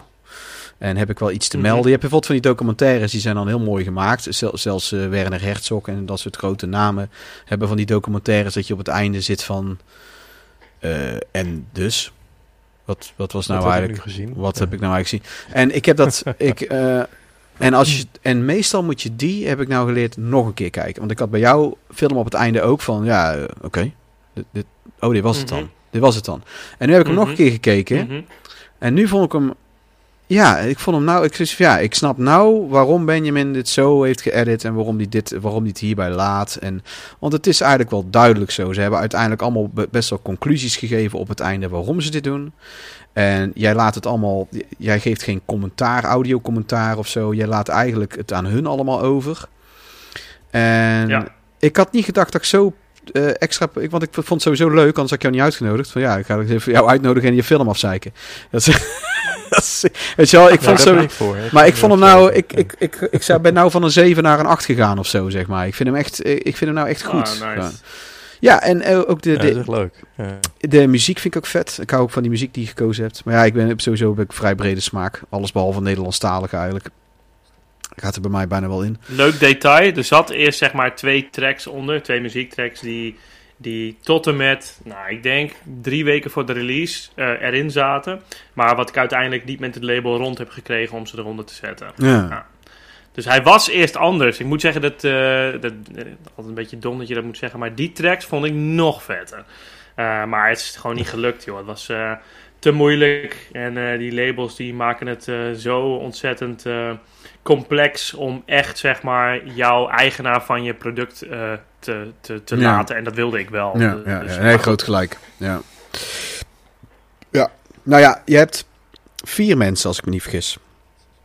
Ja. Heb jij eh, geïnterviewd. En je hebt er Ja. ook al in die Button Bashers podcast... heb je het daar best wel uitgebreid al over gehad. En jij kent ze ook. Je hebt ze allemaal benaderd via Button Bashers, hè? Ja, shout-out naar uh, Bottom Basis Forum. Ja, Ja. dat is echt een, een gouden forum. Precies wat je al vertelde. Nog heel erg levend, ja, zeker. Ja, en ik moet daar, ik moet daar ook eens eh, mijn, eh, mijn teen in duipen. Ik vind het echt wel leuk ook juist. En, en ik ben dit ook mede begonnen, omdat ik het leuk vind om over oude games te praten. En over, weet je wel. En wat ik heel, wat ik, ik ehm, ja, ook voor de editing en al die dingen. Maar ik vind het ook wel leuk om eventjes te hebben over hoe jij ertoe kwam. En dan, Mhm. eh, want hoe kwam je op het idee om dit, eh, om, ja, van laat ik eens een documentaire maken over game rooms? Ehm, eh, tweeledig. Eerst, het eerste idee was, ik wil eigenlijk ehm, iets voor mezelf maken, een documentaire. En het is begonnen omdat ik ehm, een klus van mijn tante kreeg. Die wist dat ik wel eh, wat video's maak, met name voor mijn bedrijf, voor Holly. En die zei van, joh, kan je mij eens helpen met het maken van een mini-documentaire over een ehm, extra programma wat de spoedeisende hulp doen, spoedeisende artsen, eh, wat de artsen doen, spoedeisende hulp. Zij is daar een projectleider van. Nou, dat heb ik gedaan Eh, en ik vond het eigenlijk zo vet om te doen. Wat ik in beeld bracht was eigenlijk waar dat programma, wat die artsen volgen, over ging, wat hun ervaringen waren. Eh, ook om een beetje een beeld te geven voor eventueel artsen, zodat, zodat ze dat programma konden volgen. Dat heb ik gefilmd, in beeld gebracht en ik heb aan de hand van eh, die interviews ook een soort van rode draad ingebracht. En dat was iets wat ik nog nooit eerder had gedaan. Die ervaring, die, die gaf echt brandstof aan het idee van... ja, eigenlijk zou ik gewoon zelf ook nog eens een keer een documentaire willen maken. En ik zag van, ja, weet je, je, moet, gewoon, je moet het gewoon doen. En dat, dat is ook een beetje hoe, hoe ik sowieso eh, in het leven sta. Hoe ik dingen doe, hoe ik initiatieven ontplooi. Ehm, dus toen dacht ik van ja, dan moet ik daar ook mee beginnen. Die corona shit, die zorgt er natuurlijk voor dat je wat extra tijd hebt eh, om dat voor elkaar te krijgen. Ehm, en toen dacht ik van, maar waar moet ik het over doen? Wat, wat is dan een onderwerp waar ik zelf nieuwsgierig naar ben? Eh, en ik zit al best wel lang op het Button Bashes Forum. Echt al sinds 2014, 15 of zo. En met name eh, wat ik tof vind zijn inderdaad die game rooms. Om te zien wat, wat mensen allemaal hebben. Ehm, mijn laptop die gaat ineens in de screensaver. Eh, misschien is het wel heel saai. Damn. Nee, eh, eh, zo is het eigenlijk een beetje, een beetje, een beetje begonnen. Ehm, en ik, weet niet, als je zelf die, die Button website bekijkt, mensen, de foto's die ze ma maken, zeg maar, die, het is gewoon enerzijds, weet je, ik zou nooit mijn hele kamer vol willen hebben met 2000 games en allerlei dozen, et cetera. Maar dat is zo gek, ik vind het wel super vet om te zien. Ehm, en je ziet dan de mensen erover schrijven. En mensen schrijven er heel verschillend over. De een heel strak, gedetailleerd, weet precies welke consoles uit welke tijd komen, welke games er goed op zijn, eh, welke technieken ze die consoles echt goed kunnen. En andere juist veel meer nostalgisch en, en, en, en vrijelijk. En ik vind dat gewoon vet. Ik, weet, ik kan het Ja. misschien lastig uitleggen, anders dan Nee. dat ik dat nu doe. Ehm, en ik dacht van ja, wie, wie zijn toch die mensen? Eh, en je hebt natuurlijk ook wel een forumpost, dan zie je die gezichten. Maar dat is een ander verhaal als, Ja. als met hoe ik die verhalen bijvoorbeeld in die, in die documentaire ehm, laat zien. En toen dacht ik van ja, dit, dit lijkt me wel echt vet en dit is ook haalbaar. Want dat was ook natuurlijk, je moet, moet ook haalbaar zijn. Dacht, volgens mij kan ik echt wel hier een mooie, een mooie docu van maken. Mooie portretten en aldoende zelf super veel ervaring opdoen en vooral ontzettend veel plezier hebben. Want dat was echt Ja. een number one priority. Absoluut. Ja, maar dat is ook de, de- ja, wat je nou zegt is eigenlijk een beetje zoals ik met die podcast dit ook benader. Eh, sowieso zelf ehm, je eigen initiatief, zelf initiatiefnemer zijn. Ja, Ik ben er echt pas een paar jaar terug achter gekomen dat ik eigenlijk een verzamelaar ben. En toen ben ik ook een beetje contact gaan zoeken. En, en ik, ik, de Button Bashers Forum kwam ik gewoon niet, heb ik gewoon niet gevonden of overheen gekeken. Ik weet niet hoe ik het heb gemist. Want anders zat ik er al, zat ik er nou al zes jaar bij. Dat weet ik zeker. En ik heb toen eh, op Facebook met een groepje. Dat was ook toevallig Oh ja. hoe ik daarbij kwam. Eh, Facebook, vooral met Belgen waren dat. Ook toevallig, aardige mensen allemaal. En toen kwam ik er eigenlijk achter dat ik niet helemaal in dezelfde richtlijn zit. Dat, dat, dat je allemaal verschillende verzamelaars hebt. En ik heb ook een, eh, een art- ik heb toen ook, ik heb ook best wel wat negatieve dingen met verzamelaars meegemaakt. Echt van mensen die je proberen, echt van die, ja, die- je proberen af te zetten, zeg maar, met, met, met als je handelt, zeg maar. En eh, ik, ik heb ook een tijd lang ben ik gestopt met handelen op marktplaats, omdat ik daar heel negatieve ervaringen heb gehad. En toen ben ik een paar, nou ben ik twee jaar terug weer begonnen. Ik ben zelf ook anders gaan communiceren, want ik dacht van misschien ligt het ook deels aan mezelf. En nou gaat het heel goed. En heb ik laatst wel weer een ontzettende lul meegemaakt. Echt een ongelooflijke eikel. Maar de, al, eh, daar staan wel weer twintig mensen tegenover met wie ik nou bijna met van ik er een paar bevriend mee ben geraakt. Eh, via de passie voor games, oude games en verzamelen en zo. En dat is. eh, Wat jij, wat, is dat nou toevallig, Benjamin? Het zijn vier hele andere mensen die alle vier best wel Mhm. een ander, andere insteek hebben. Is dat toevallig zo Mhm. gegaan of heb je dat bewust uitgefilterd? Nee, nee, nee. Het is, het is, dat is wel toevallig. Ja, dus kijk, enerzijds doe je natuurlijk zelf wat in de edit. Dus je versterkt, zeg maar, de, het, de verhaallijn of de persoonlijkheid die, die, die je wil zien, zeg Ja, maar. En ja. natuurlijk ook gewoon die, die ze zijn. Dus dat, dat, dat doe je wel. Eh, maar nee, het is echt wel toevallig. Ehm, omdat dit de mensen zijn die hebben gewoon gereageerd op mijn oproep. Ik had er wel meer. Ik denk dat uit, uiteindelijk hebben er acht of negen, zeg maar, lijkt me leuk om mee te werken. En uiteindelijk zijn er vier overgebleven die echt, zeg maar, ehm, hebben doorgezet. Omdat we ook in een periode zaten van corona, nog steeds. En ehm, ja, dus nee, dus echt eh, het lot. God wil het zo. Nou, en het is ook zo, dat was nou, ik had toevallig op de, de radio op de heenweg, er is een eh, boek nou uit over de onbekende Nederlander. En het gaat over dat eigenlijk in de media eigenlijk heel prominent de bekende Nederlander eigenlijk alleen maar aan bod komt. En daar hadden ze het over. En eentje die pleit echt voor. eh, kijk, die, hoeft niet, die, die zei ook van: je hoeft niet een willekeurig persoon van straat af te trekken. en die in een studio te zetten en anderhalf uur aan het woord te laten. Maar bijna iedereen weet wel ergens wat vanaf of heeft mooie ervaringen. En een van die journalisten die aan het woord was, die schrijft vooral over onbekende Nederland. Die interviewt eh, onbekende Nederlanders, zeg maar. Dus. En, en ze zegt van iedereen heeft wel een mooi verhaal of heeft iets moois, heeft iets aparts meegemaakt. Of, of heeft iets, iets, iets aparts te vertellen wat een mooi verhaaltje maakt. Mhm. En dat een. eh, ja, dat vind ik dit ook. Dat bewijst dit ook weer. Ik, ik durf eigenlijk bijna te wedden. Ja, nou, dat wel, als, ja. als jij er acht of negen nou had geïnterviewd, dan was het trouwens best wel een lange documentaire geworden. Eh, ik durf te wedden dat dat bij alle acht, eh, zeker, want jij het dan ook inderdaad zo edit, want daar, heb je, daar had ik niet eens bij stilgestaan, dan filter je het, dan, dan leg je dat meer aan het oppervlak en dan waren dat waarschijnlijk hele andere mensen geweest. En ja, Ja. weet je, ik zou bijna willen dat er een tv, ik, ik zou bijna een concept willen opstarten met jou, dat we er een televisieprogramma ervan willen maken. Dat zou ik echt heel vet vinden. Want je hebt er nou ook Echt hebt gewoon uh, over game rooms. verder. Over verzamelaars en game rooms, ja. Want je hebt nou Game Kings besteedt Oh, ja. er nou iets van aandacht aan. En je had nou op RTL 4 was er ook iets over. Was heel amateuristisch in elkaar gezet. Want de mensen, nou, dat is, dat is overdreven. Maar je merkt dat het vanuit, want die journalist die moet dan ook een netwerk aanboren waar die helemaal niet in zit. En die vraagt ook maar gewoon her en der. En dat is een, een vriendin van mij die 30 spellen heeft, is toen aan bod gekomen als verzamelaarster. Wat nergens op slaat. Maar zij is al een keer eerder op tv geweest. Dus zij, uh, weet je wel, zij staat wel in een bestand van deze Ja, heel- ja. ja, het is ook een leuk, het is ook een grappig mens. Het, is ook, het trekt de aandacht ook. En, eh, Maar dan heb ik jouw monoloog helemaal niet gehoord, eh, Klaas. Maar wat vond jij er nou eigenlijk van?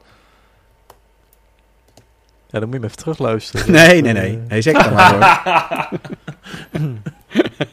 nee, ik vond hem ook... eh, drie woorden, je mag drie woorden. Ehm, enerzijds werd ik jaloers.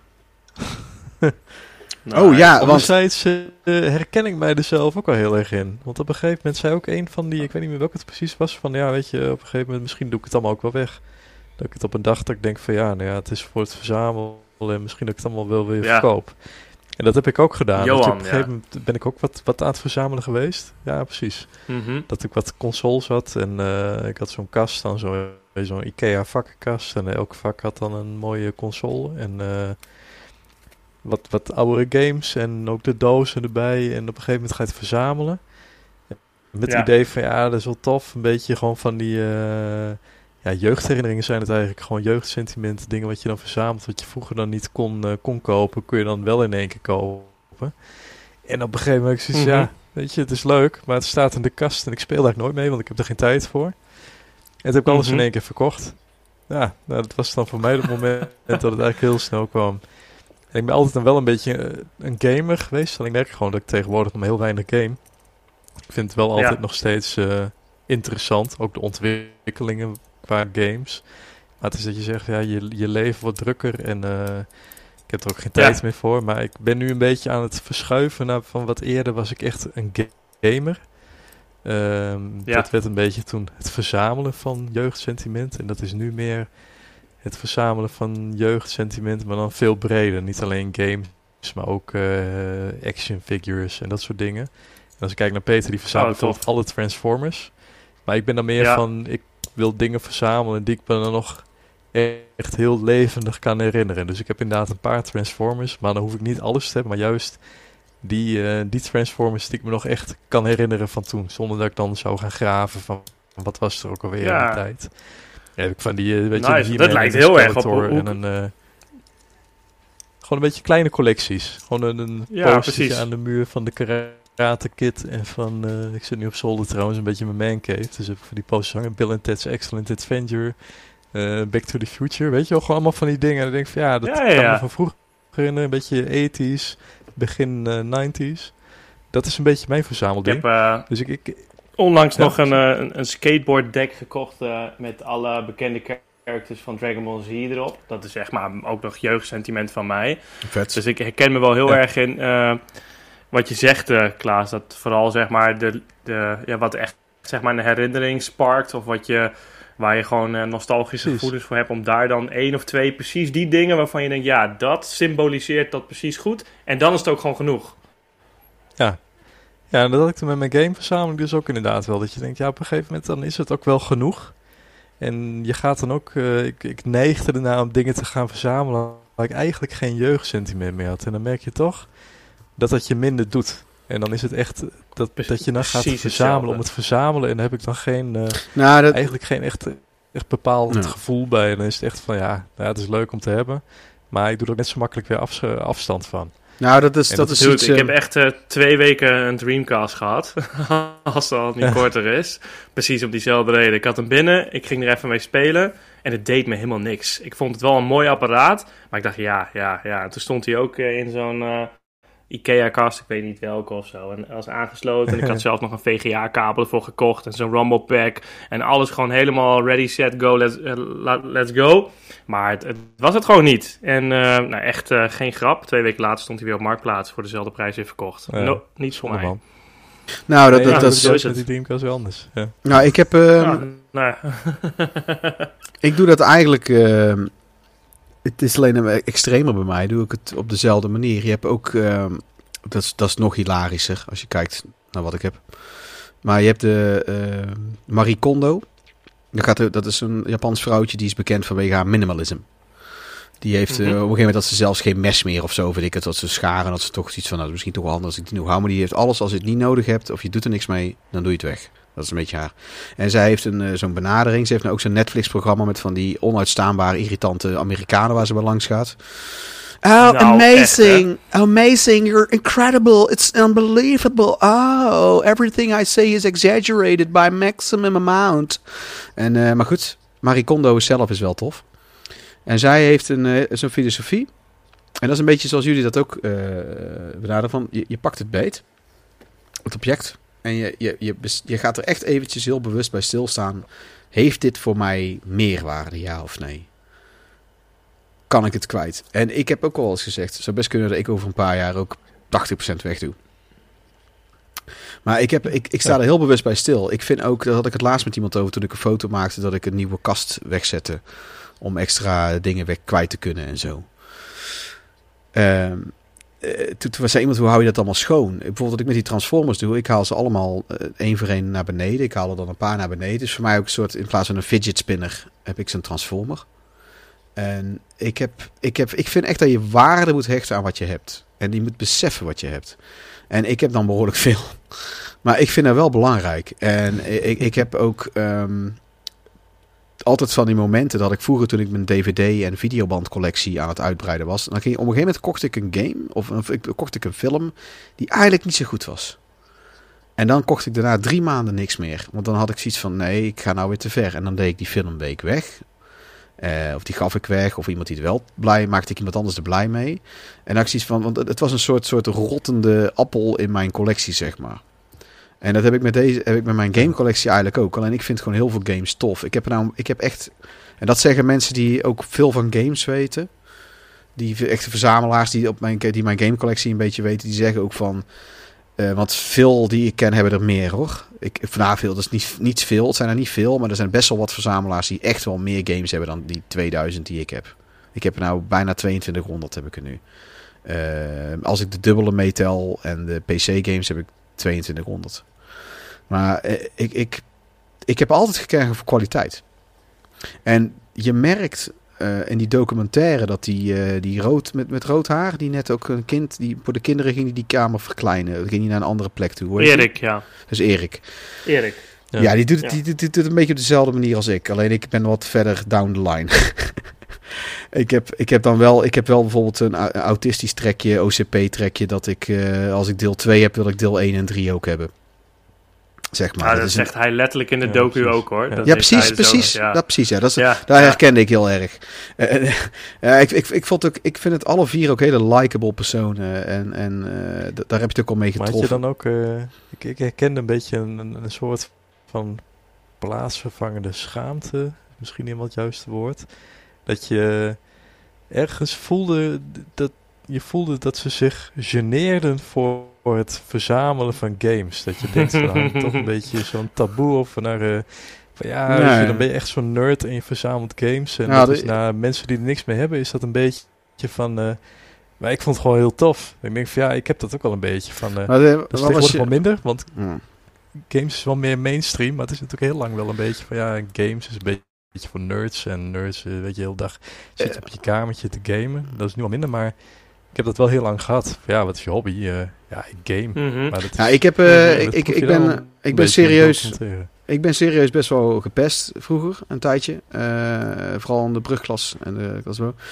En ik heb altijd ben ik eh, bij mezelf gebleven. Van, ik vind het vet, dus het interesseert me eigenlijk geen ene fuck wat iemand anders daarvan vindt.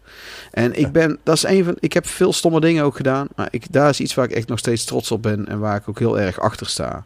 Daarom kan ik ook heel boos worden als ehm, iemand zoiets zegt over iemand anders ook.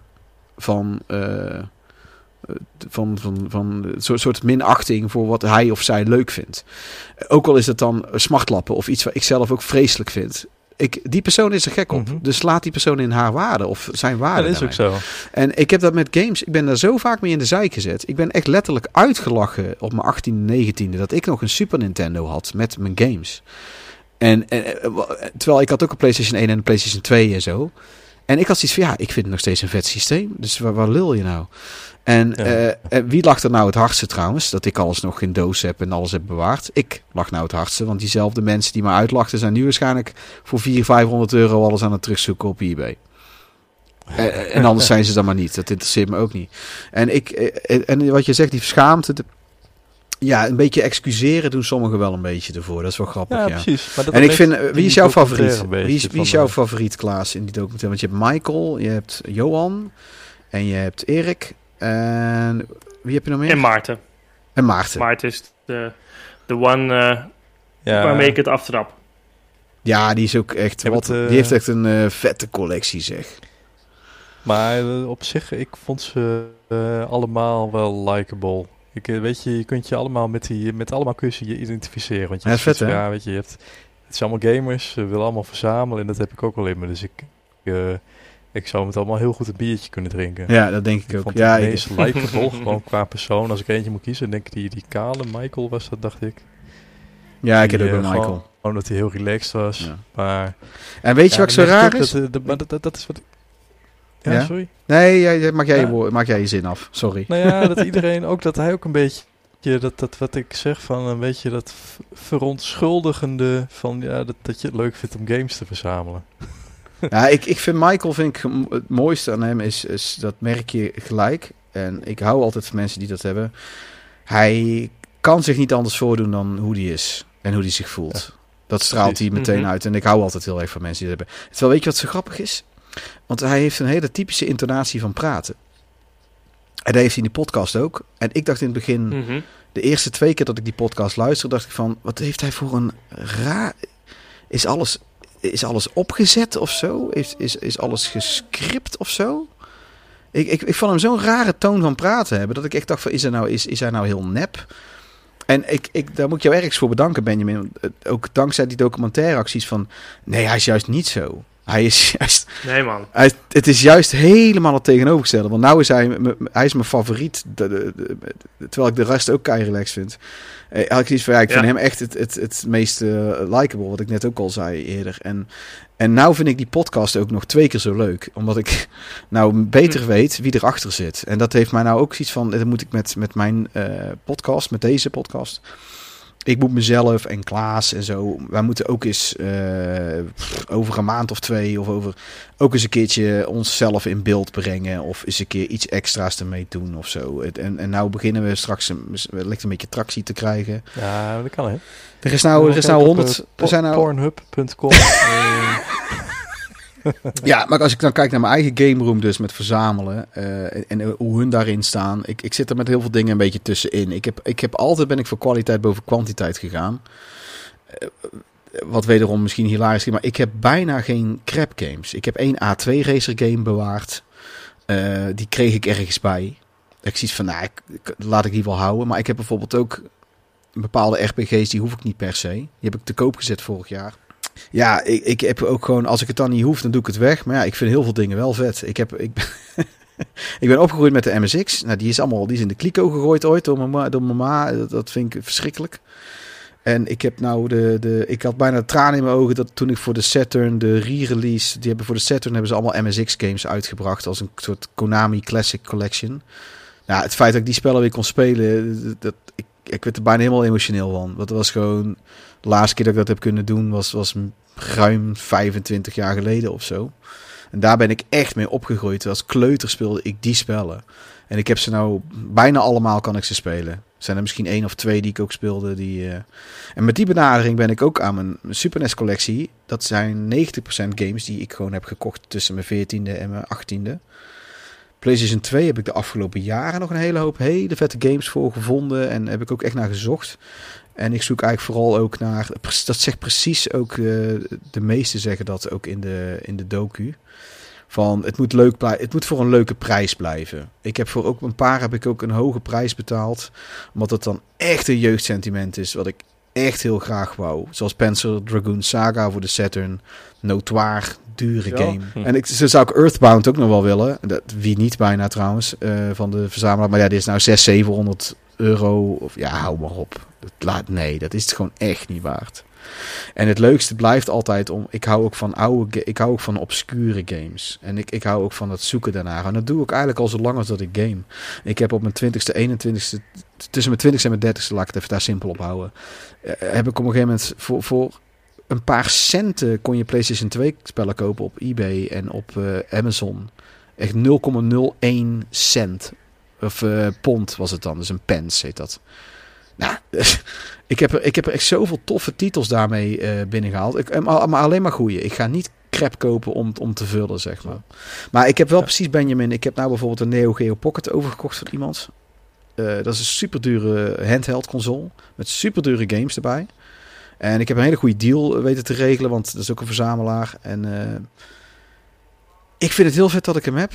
Maar dat is nou echt ook zo eentje, als ik hem nou zou verkopen, zou ik er geen nacht wakker van liggen. Zou het me eigenlijk helemaal niet uitmaken. Dus dat is nou echt zo eentje van, ja, is dat ook wel echt een meerwaarde? Dus daar wil ik echt nog, daar ga ik nou een jaar over nadenken. Het heeft toch geen haast. En dan vind ik ook dat het ook gewoon weg moet. Dan, gaat het, dan, dan wil ik wel, het gaat dan wel alleen maar naar iemand, dat wil ik wel, die er ook echt waarde aan hecht. Niet aan een een of andere doorverkoper of, of dat vind ik dan niet leuk. Ik wil wel het dan echt dat ik, wil- ik, ik wil ook eigenlijk een museumpje zou ik willen beginnen. We zouden eigenlijk, als ik nou een idyllische situatie wil omschrijven waar we naartoe zouden willen werken en stel het gaat allemaal goed, hè, want je weet nooit hoe het loopt. Eh, een boerderij zouden we dan bijvoorbeeld willen, dan zou ik echt gewoon een, een soort museumpje willen maken waar dan ook meerdere mensen, waar, waar ik dan echt iets tofs mee doe. Ja, en we hebben ook een manege dan erbij. Ja, tuurlijk. Paardrijden is ook leuk. ik wil ook een paard, dan heb ik gezegd. Ik mag, ik mag geen paard van me. Van, en dan is het inmiddels vrouw, want ik, ik ga trouwen binnenkort. Dus dat, eh, ja. Oh, gefeliciteerd man. Nice. ja, dankjewel. Ja, dat is ook drie keer uitgesteld. Zo'n beetje. Dus ik had haar in augustus gevraagd, 2019. En toen zouden we in mei 2020 zouden we geloof ik gaan trouwen, was de planning. Oh ja, echt. Nee, toen zouden we gaan trouwen. Augustus had ik gevraagd.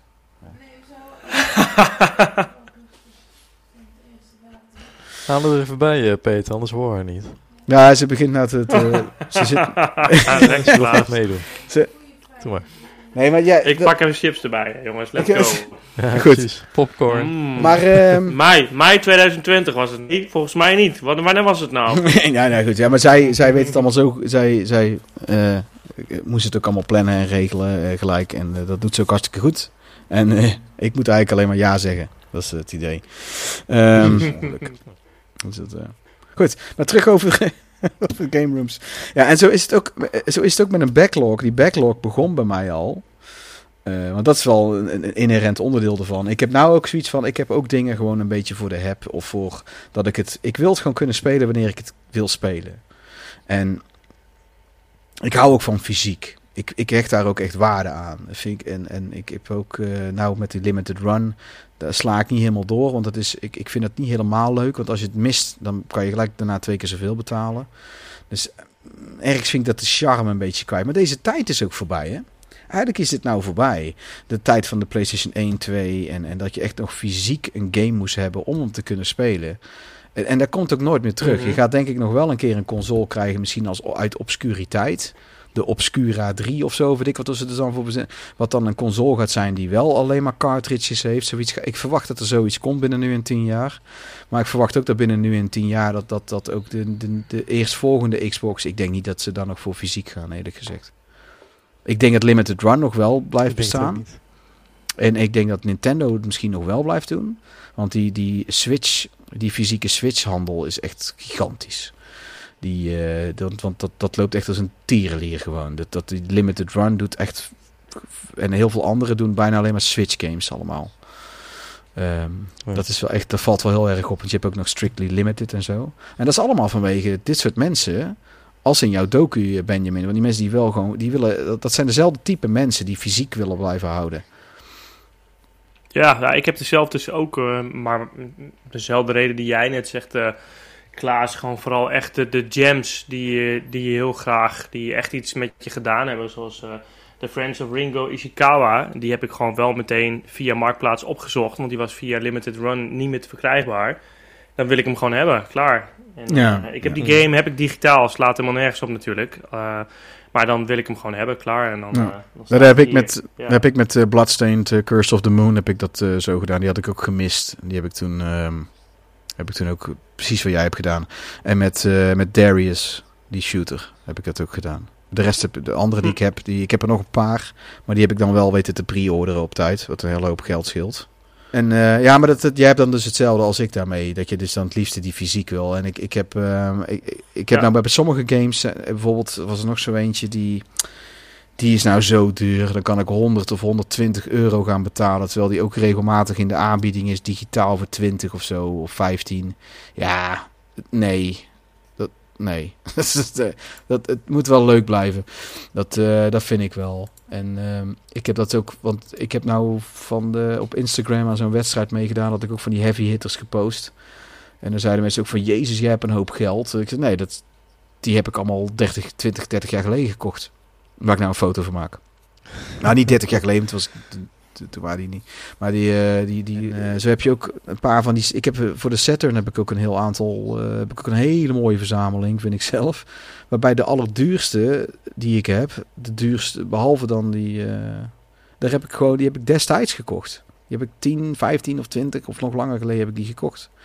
En eh Dreamcast ben ik wel vrij laat aan begonnen. Ik had de Dreamcast al wel heel laat staan. En daar was ik helemaal fan van toen die uitkwam. Een vriend van mij die had hem geïmporteerd. Nou, dat was echt niet normaal. Dat, maar daar heb ik voor mij ook echt, heb ik echt een band mee met die console. En bijvoorbeeld ook Sega CD heb ik helemaal geen. Ik heb een Mega Drive wel. Vroeger Mega Drive spellen bij vriendjes gespeeld. Dus ik ben heel blij met die Mega Drive die we hebben. Eh dus eentje de oude van eh, vriendin. En eentje heb ik gekregen van, van iemand. Met een hele lading games erbij. Ja, en de helft van die games zeggen me niks. Maar ik hou ook echt van oude games. Dus ik vind het ook, ik, ik vind het ook echt heel tof. En eh, welke zocht jij trouwens nog, eh, Benjamin? Welke zijn dan te duur voor jou om nou nog eh, aan te komen eigenlijk? Ehm, ja, weet je, ik vind zoals Streets of Rage 2 en 3 wil ik eigenlijk wel gewoon origineel hebben. Die zijn best wel te betalen, 50, 60 euro. Ja. Maar ja, weet je, ik heb ze ook gewoon op een kaart staan in de Mega SG, die eh, console van Analog. Die hebben zij uitgebracht, echt wel een aanrader trouwens. oh ja, ja. ja. Zijn volgens mij, ik weet niet of die nog te verkrijgbaar zijn, maar voor mij was dat een goede oplossing om eh, op de Beam eh, retro te kunnen spelen, om echt strak beeld te krijgen.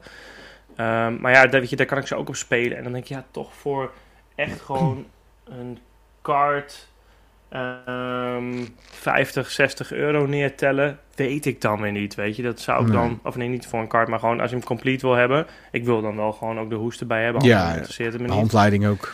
Dat, eh, Ehm, ja, precies. Ehm, dus het, het, het valt in die zin wel mee hoor. Maar dat, dat zou ik niet zo heel snel doen. Misschien als ik op een beurs ben. Dat ik dan, zeg maar, dan is het ook een soort van bekroning op dat je lekker op een beurs hebt rondgelopen. ja, bij een Eh, en fatsoenlijke... je komt hem dan tegen Ja. en dat je... Ja, vet. Ja, bij een fatsoenlijke beurs kan je het ja. ook vaak iets goedkoper vinden. Je hebt van die beurzen die, die lopen soms uit de hand qua prijs, maar meestal is het juist wel goedkoper, is mijn ervaring. Het, eh, dat is vet. Ja, dat is leuk. Ja, Ja, ik was nog even benieuwd, hè, voordat jij alles eh, over jouw games, even die documentaire. Even vragen aan Benjamin. Wat, eh, wat jouw achtergrond eigenlijk is met documentaires maken. Is het gewoon dat het uit de lucht komt vallen van, goh, ik eh, begin nu met Ja, dat wa- hij was toch documentaire, gevraagd door of, zijn, eh, door zijn tante of door zijn eh dingen, dat hij toch verteld? weet ik niet, heb ik dat ja, daar is hij wel een beetje mee begonnen. Maar eh, als, het, als, als zijnde dat, dat ik dacht van het lijkt me wel vet. Want wat ik daar zeg maar ervaarde was hoe leuk het is om een rode draad ehm, te creëren op basis van verhalen die je van andere mensen hoort.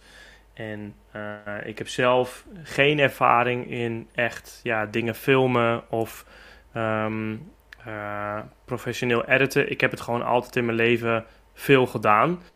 Maar altijd op het niveau van domme shit met je vrienden maken. Eh, nou, echt eh, heel weinig trouwens. En vakantievideo's. En ja, dat soort dingen. En ook voor mijn bedrijf video's maken. Dus het kwam allemaal een beetje bij elkaar. Van alles wat ik de afgelopen 15, 20 jaar geleerd heb. Laat ik dat gewoon nu zoveel mogelijk in een uitdaging gieten. En tegelijkertijd ook echt super veel nieuwe dingen leren. Ehm, Hm. ja, dus, dus dat is een beetje hoe het is. En wat ik het toffe vind, dus kijk, normaal is het zo, kijk, als je een vakantievideo edit, dan heb je een beperkte creatieve vrije ruimte. Als je voor ehm, spoedeisende hulpartsen edit, dan heb je natuurlijk ook beperkte creatieve vrije ruimte om echt iets vets ervan te maken. En deze docu was wel voor mij een vet platform en project om al mijn creativiteit, ideeën eh, erin te gooien zonder dat ik ergens rekening mee moet houden. Want als ik voor mijn werk een video edit, dan denk ik ook aan van ja, wat willen de mensen zien? Wat is belangrijk? Wat moet ik skippen? Wat vind ik eigenlijk wel Ja. tof? En hier heb ik dat elke keer als ik aan het editen was, dacht ik van ja, fuck it Ben. Dit, je wil gewoon, jij wil het gewoon op deze manier laten zien. Jij vindt het op deze manier vet. Jij vindt het op deze manier goed tot z'n recht komen. Let's go. Volgende scène. En dat is gewoon zo vet. en, en- en geeft je zoveel plezier. Ja, precies. Ja. Ja, dus ehm, zo is het een beetje ehm, bij elkaar gekomen. Dus eh, in principe geen, geen docu-ervaring. Ik heb hem trouwens wel naar twee doc gestuurd. Ik weet niet of jullie dat platform kennen van eh, NPO. Eh, en ook gewoon een reactie gekregen dat ze de docu heel vet vonden. Ehm, en dat ze ook wel wat elementen vonden missen hoor. Met name, en ik vind wel, ben wel benieuwd of jullie dat ook herkennen. Maar zij zeiden zelf van ja, wat wel tof is, is dat je gewoon echt een mooie inkijk, inkijk krijgt in een ontzettend niche scene, voor hun dan. Eh, en dat het op een hele toffe manier in beeld is gebracht. En dat ze wel eh, love hebben voor de characters. Maar wat ze heel erg vonden missen, eh, is dat je eigenlijk eh, in de tijd meegaat met de hoofdpersonen. Dus dat je bijvoorbeeld, dat noemen ze zelf als voorbeeld, ziet hoe ehm, Erik zich nu nestelt op zijn nieuwe, kleinere game room. Nu die zijn zoontje heeft gekregen. Weet je, dat dat meer zeg maar in de tijd meer voor vordert in plaats van... exact, ja, misschien wel, ja. ja. Zei ik Ja, ook. misschien wel een beetje meer eh, dit, uitdieping van de... Ja, maar meer van die, die, die mensen zelf. Dat je een beetje ook buiten hun Ja. game room ziet wat ze doen. In plaats van alleen echt Ja, in de ja, game, en dan kan ik- game room. Maar Vond Ja, ik maar ook, hoor. Ik, ja, ik heb Ja. nou, ik al zei, ik heb hem twee keer gezien. En de eerste keer had ik zoiets van, eh, oké, dit, dit, dit, wat- dit was het dan.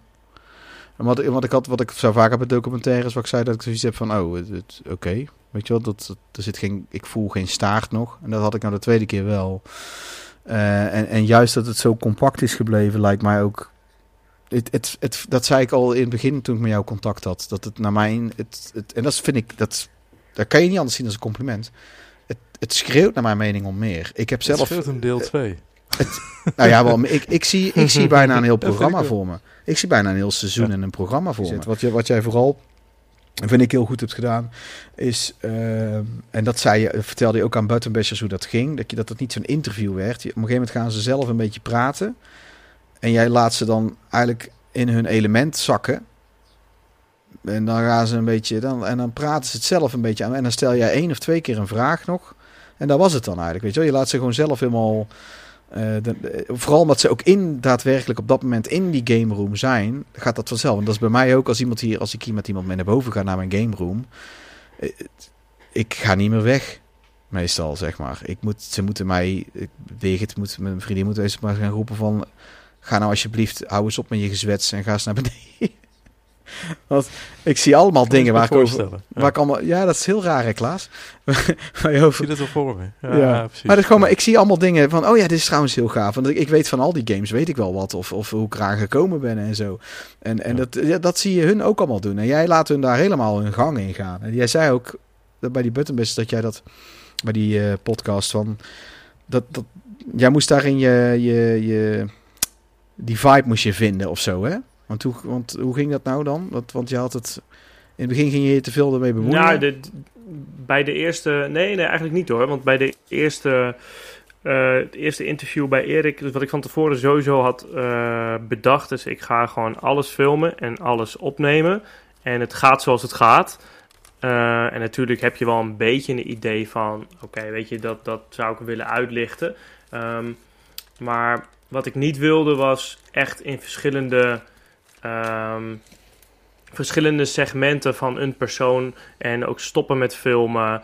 eh, vragen of ze sommige anekdotes of elementen nog een keer willen vertellen. Dus ik wilde vooral dat de, het zeg maar oprechte interview, het oprechte gesprek wat ik met eh, een Erik en Maarten, een Michael of Johan heb, eh, heb, dat dat heel erg terugkomt in de documentaire. Want ik had die kamers, drie van de vier had ik nog nooit gezien. Ik kende drie van de vier mensen niet, alleen Michael kende ik. Eh, en Michael, die, ja, die is gewoon zo capable om, om ontzettend geanimeerd te vertellen over. En wat je al zei, hij is gewoon zo real, zo oprecht. Die gast die, die gaat sowieso goed vertellen over ja, wat het voor hem betekent. Weet je, alleen die vraag al, wat betekent het eigenlijk voor je? En dan ben je zo drie kwartier verder. weet je, en dan heb je Ja. gewoon echt van die drie kwartier een kwartier lang fantastisch materiaal. Ehm, eh, en er is heel veel wat ik ook nog niet gebruikt heb, omdat het gewoon of niet past in de, in, in Nee, dat vertelde je, ja. Of waarvan ik zelf dacht van, het, is het gewoon niet. Nou, die Ehm, platencollectie, dus ja, nee, eh, die platencollectie die Ja. dingen liet zien. Ja, ja. ja er is klopt, ook eentje. Ja, Er is ook eentje op Instagram die heeft, eh, nou, noem een goede soundtrack op en hij heeft hem op LP van een game. Ongelooflijk vet. Ik ga er zelf nooit van mijn leven aan beginnen, want ik kan nooit normaal doen. Dus dat, ehm, dat is echt heel tof. Ja, wat je zei dat die Erik had ook al. Ja, dat, is- dat, dat, dat, dat is Kill Your Darlings. Hè? Want ik doe dat bij deze opname straks ook. ik ga hier straks ook uiteindelijk best wel happen eruit halen. En dan ga ik later echt nog wel eens een keertje posten of iets mee doen. Maar goed, terug over eh, de, de game rooms en de dingen. Het is, eh, het is, het, het is een heel leuk fenomeen wat, wat echt van nu is. Dat is ook iets, eh, Benjamin. En dat, misschien heb je dat zelf niet eens beseft, dat dat eigenlijk ook pas vrij kort bestaat. De, de, het- het- je had er misschien twintig jaar geleden ook iemand van met zijn Atari-collectie of zo. Maar het is nou toch echt iets van vrij recent. Dat, eh, op Instagram zie, zie ik er een hoop voorbij komen. En ik vind het juist ook, Mhm. dat, dat zei Klaas toen jij weg was. En eh, toen ik de koptelefoon opzette, was hij lekker bezig. Over eh, dat, dat als je gaat verder op YouTube gaat kijken, dat je mensen vindt met nog veel grotere game rooms. Maar dat zijn de. Mhm. Dat is net als dat je idioot goede drummers van drie jaar oud vindt. Dat zo'n 0,001% van de mensen, of, of ze niet nog lager percentage. Wil het, het aantal g- game rooms wat bestaat uit 6000, 7000 games is denk ik zo'n klein getal. En dat is ook weer ergens zo absurd. Ik vind het juist, juist leuk eigenlijk dat jij vier nog een beetje binnen marges verzamelaars hebt gepakt. En ze hebben ook alle vier best wel een andere collectie. Want eh, Dingen heeft geloof ik de meeste, Johan, of niet? Wat, of Erik? Dat weet ik nou. Erik had trouwens wel gruwelijk veel. leuke. nee, nee, ik- denk dat eh Johan inderdaad de meeste heeft, ja. Ja. Die. eh, eh, dan heb, want ik heb bijvoorbeeld, wat grappig is bij mij, ik heb alles drie rijen diep in zo'n IKEA-kast. Maar dat lijkt in eerste instantie dat, ik, dat het wel meevalt. Ehm, en dat, is bij, dat was bij dingen ook. Bij een, eh, dat lijkt bij. Ding heeft ook meer, zag ik nou de tweede keer. Michael heeft ook meer dan dat ik dacht.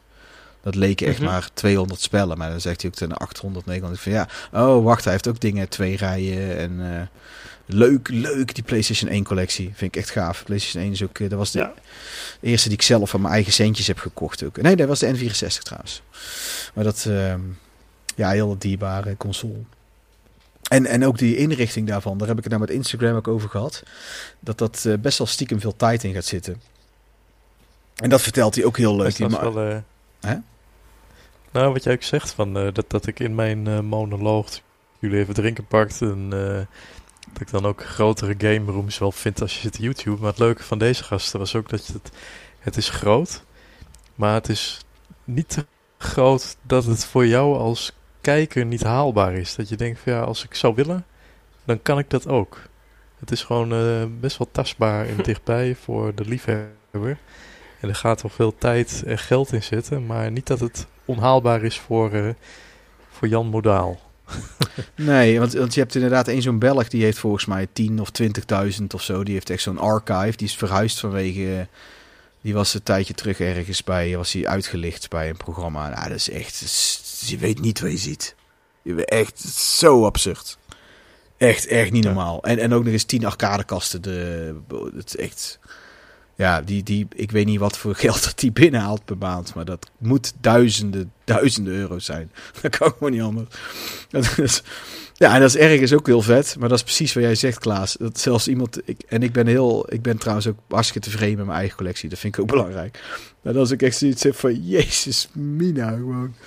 Dat, dat had dit niet. Daar was ik bijna bang voor toen ik begon met kijken. Van, oh, het gaat toch niet vier van die mensen zijn.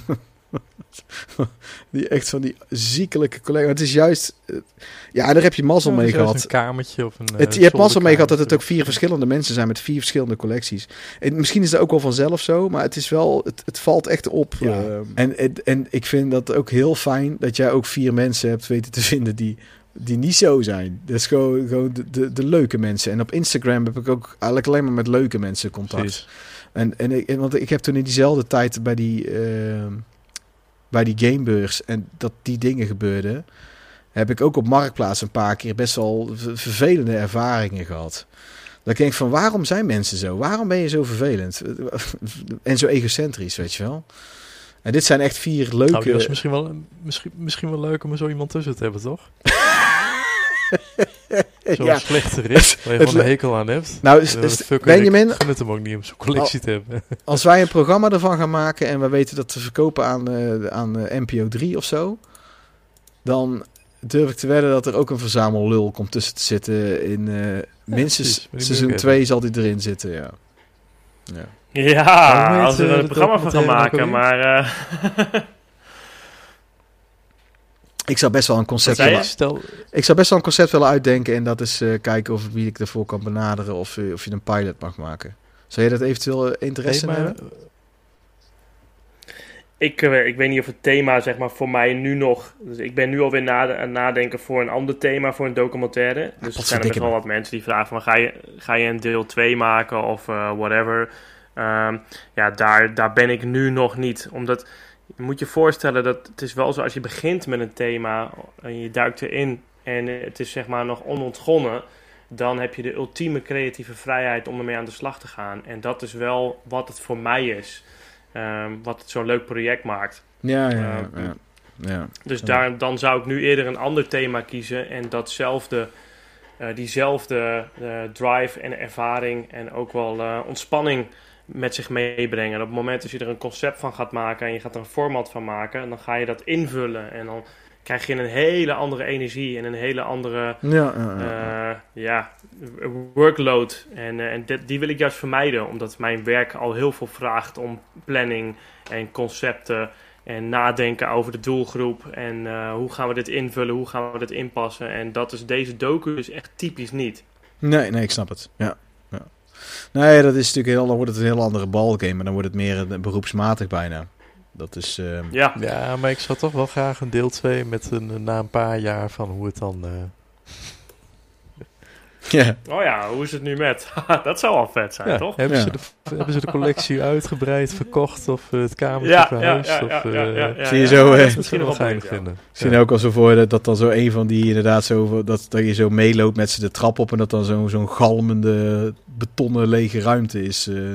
Ja, of dat het zolderka- zolderkamertje is afgebrand of zo. Dat de hele collectie in één keer weg is. Oh, Eh, dat is- oh, dat is met- ook wel mooi vinden. Dat is met die Maxi Drama, ja. die volgende week te gast is. Die is eh, met waterschade, heeft alles was hij kwijt. Ja, Ja, ja, zoiets. ja was echt... Dat is eh, voor de kijker heel leuk. Dan voel je ook echt mee, hè, met zo'n... Oh eh, nee, ik vind dat echt pijnlijk. Ik kan dat niet, ik kan dat niet Ja, aanhoren. is ook heel Dat- pijnlijk, maar dat, dat, dat, dat voel je dan ook dat, dat, als verzamelaar zelf, als, of als liefhebber, doet je dat zelf ook pijn. Maar dat is Ja. juist het mooiste om te kijken, toch? Ja, leed, leed, leed. Ja, dat kijkt, ja. Ja, dat is net ook, eh, de bassist van een band van mij had het toen ook over, dat die, die kwam er toen achter, oh ja, ja, ja, we verzamelt oude games en zo. Ja, ik heb eh, een tijdje terug alles in de kliko gegooid van mijn oude, oude Xbox-spellen Oh. en mijn oude... gewoon het feit dat je gewoon, gewoon, gewoon iets, iets wat voor mij... Dat je niet weggeeft. Nee, maar ook, het, het is ook, er is een, een, een, niet een eindeloze hoeveelheid van die dingen, weet je wel. Er is, er zijn, het is juist, ik, voor preservatie, ik, zie, ik doe het nou zelf, heb ik het inmiddels ook, zie ik het een beetje als preservatie. Die Saturn games, Oh ja, die, die ja. zullen uiteindelijk allemaal vervangen moeten worden, want die discs gaan gewoon kapot. Maar het, het is gewoon voor preservatie zo mooi om, om dat gewoon te hebben met boekje en alles. Ik vind het gewoon heel leuk, zeg maar. Maar goed, meer als een museuminstelling. Bijna meer als een curator. eh. Maar die, die kant gaan we wel op, want het is nou zo ja. oud. Het is allemaal zo oud aan het worden nou. Ik bedoel, die, die, mijn eerste spel voor de, voor de Game Boy, die Wario Land, die heb ik, echt- die heb ik echt nog in mint staat, heb ik die, hè. Die, dat doosje en alles. Maar ik van, ja, dat, dat, ik was 12 toen ik dat spel kreeg. Dus dat is 27 jaar oud. Weet je wel? Dat is Ja, dat echt... wordt natuurlijk ook eh, aangetast eh, door de elementen. Nou ja, het zit, in, toch het, eens zit in, nadenken over de manier waarop je het bewaart. het zit in een kast. Het zit in een kast, in een eh, plastic eh, Ja, dingen toch, hè? Maar toch. Ja, dat het net als, een, als, die, als in het Vaticaan, met op temperatuur en met eh, rood licht en zo. Precies. ja, dat soort Ja, dingen. Ja. ja, wij, wij gaan het niet meer meemaken, maar zover gaat het echt nog wel een keer komen. Dat denk ik wel. Ja. en Hey, dan, maar, eh, dan heb je een, een ander iemand dan Benjamin, die dan, eh, die, dan eh, in- eindelijk in zo'n soort museum, hè, mag hij dan eh, één zo'n spel filmen. En dan heb je een eh, interview met een, met een curator, net als dat het nu is met, een, eh, met iemand die alles weet van, van de kunst van Van Gogh. En dan is het de lelijke Mega Man tekening. Die dan Hmm. een museumstuk is. Die kant gaan we uiteindelijk eh, ga- game rooms, toch? Ja. Game rooms van Benjamin Veenstra. Voor de luisteraar die kwijt is waar het ook weer over ging. Zo is het. Ik denk van, wat hebben ze toch, wat voor documentaire hebben ze toch over? En ik maar mensen nu nieuwsgierig zijn naar wat het... eh, waar we Ja, het ik zal hebben. checken. Als je YouTube vind, eh, opent, het ja, dat zal natuurlijk vanwege mijn...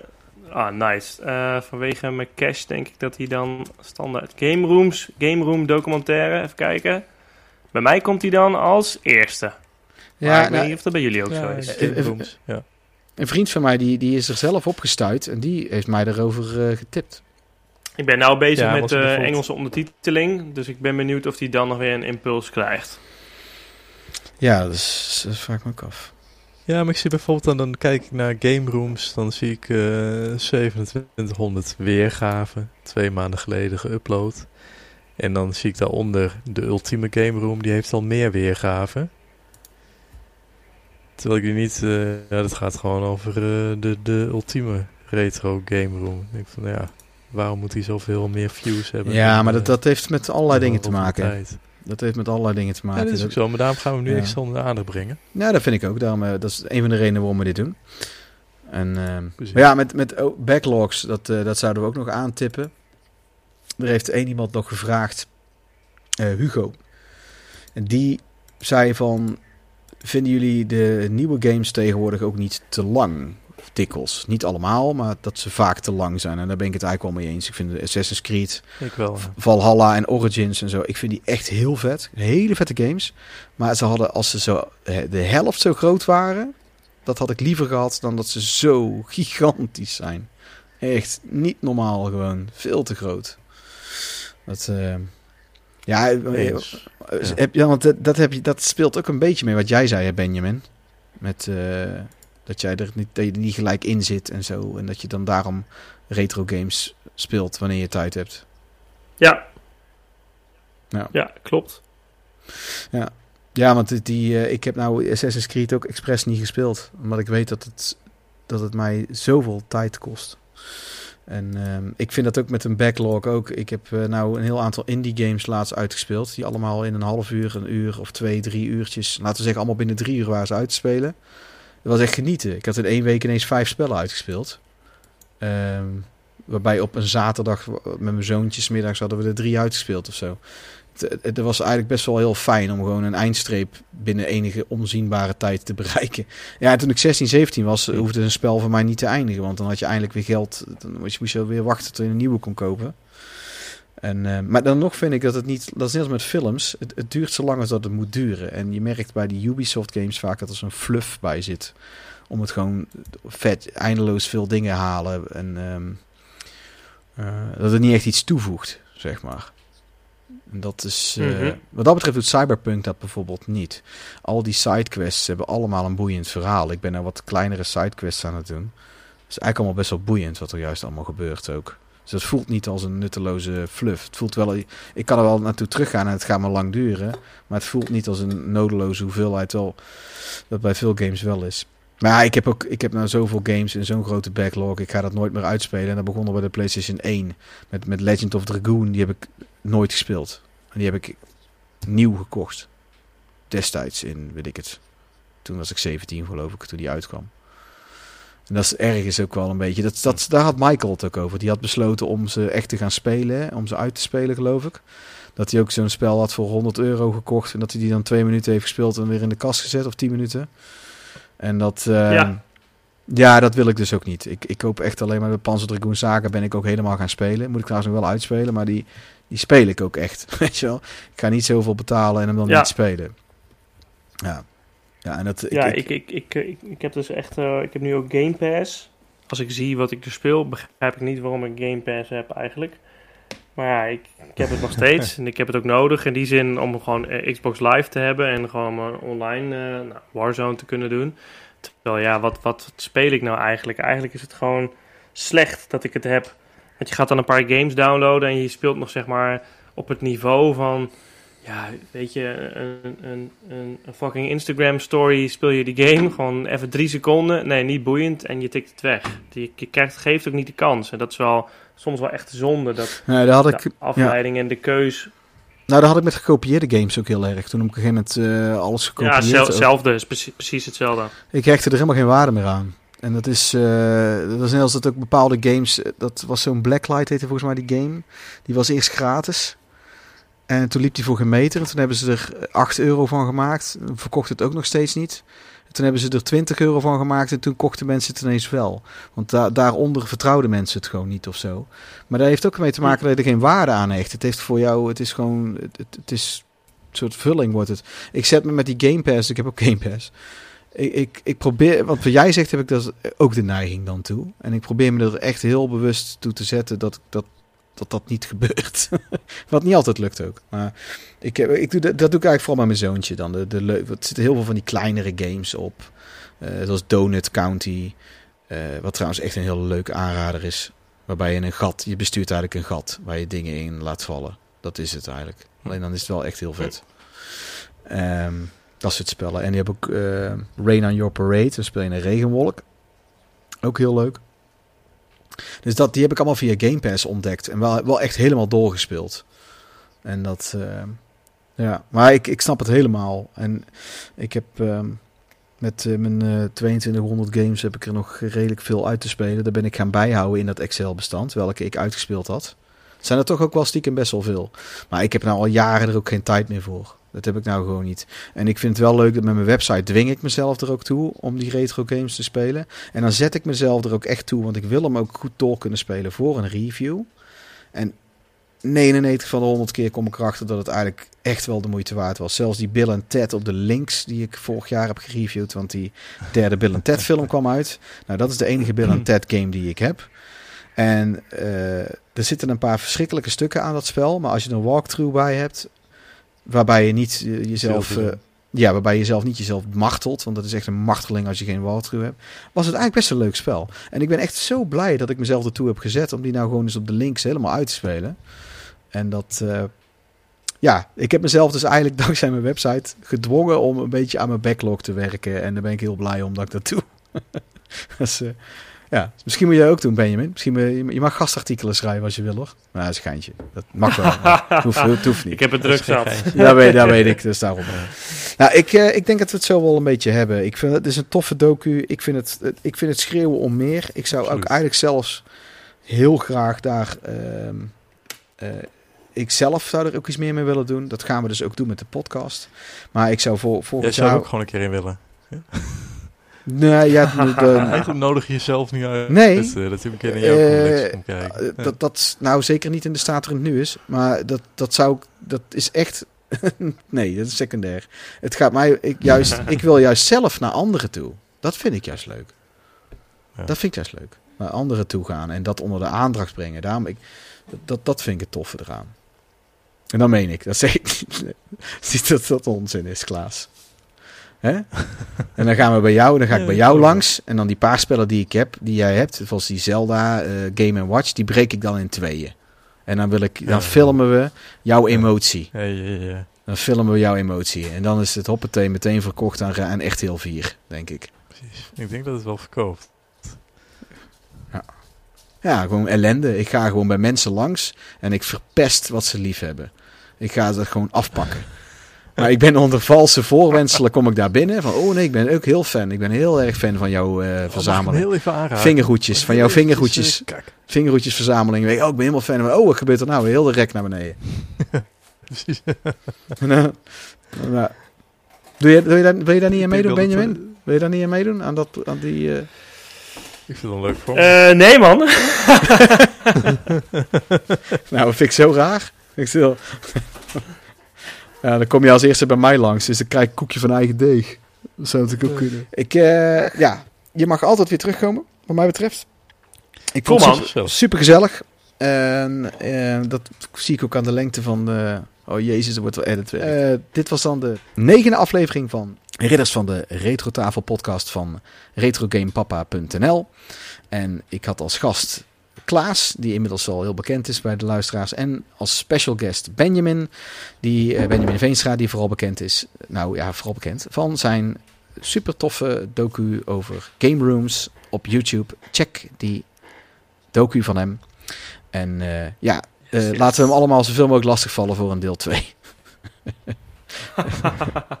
en dan Hey, thanks guys. Veel succes ook hè, met, eh, met je podcast in de komende tijd. check mijn Instagram, retrogamepapa.nl. Je kan vragen sturen naar peter.retrogamepapa.nl.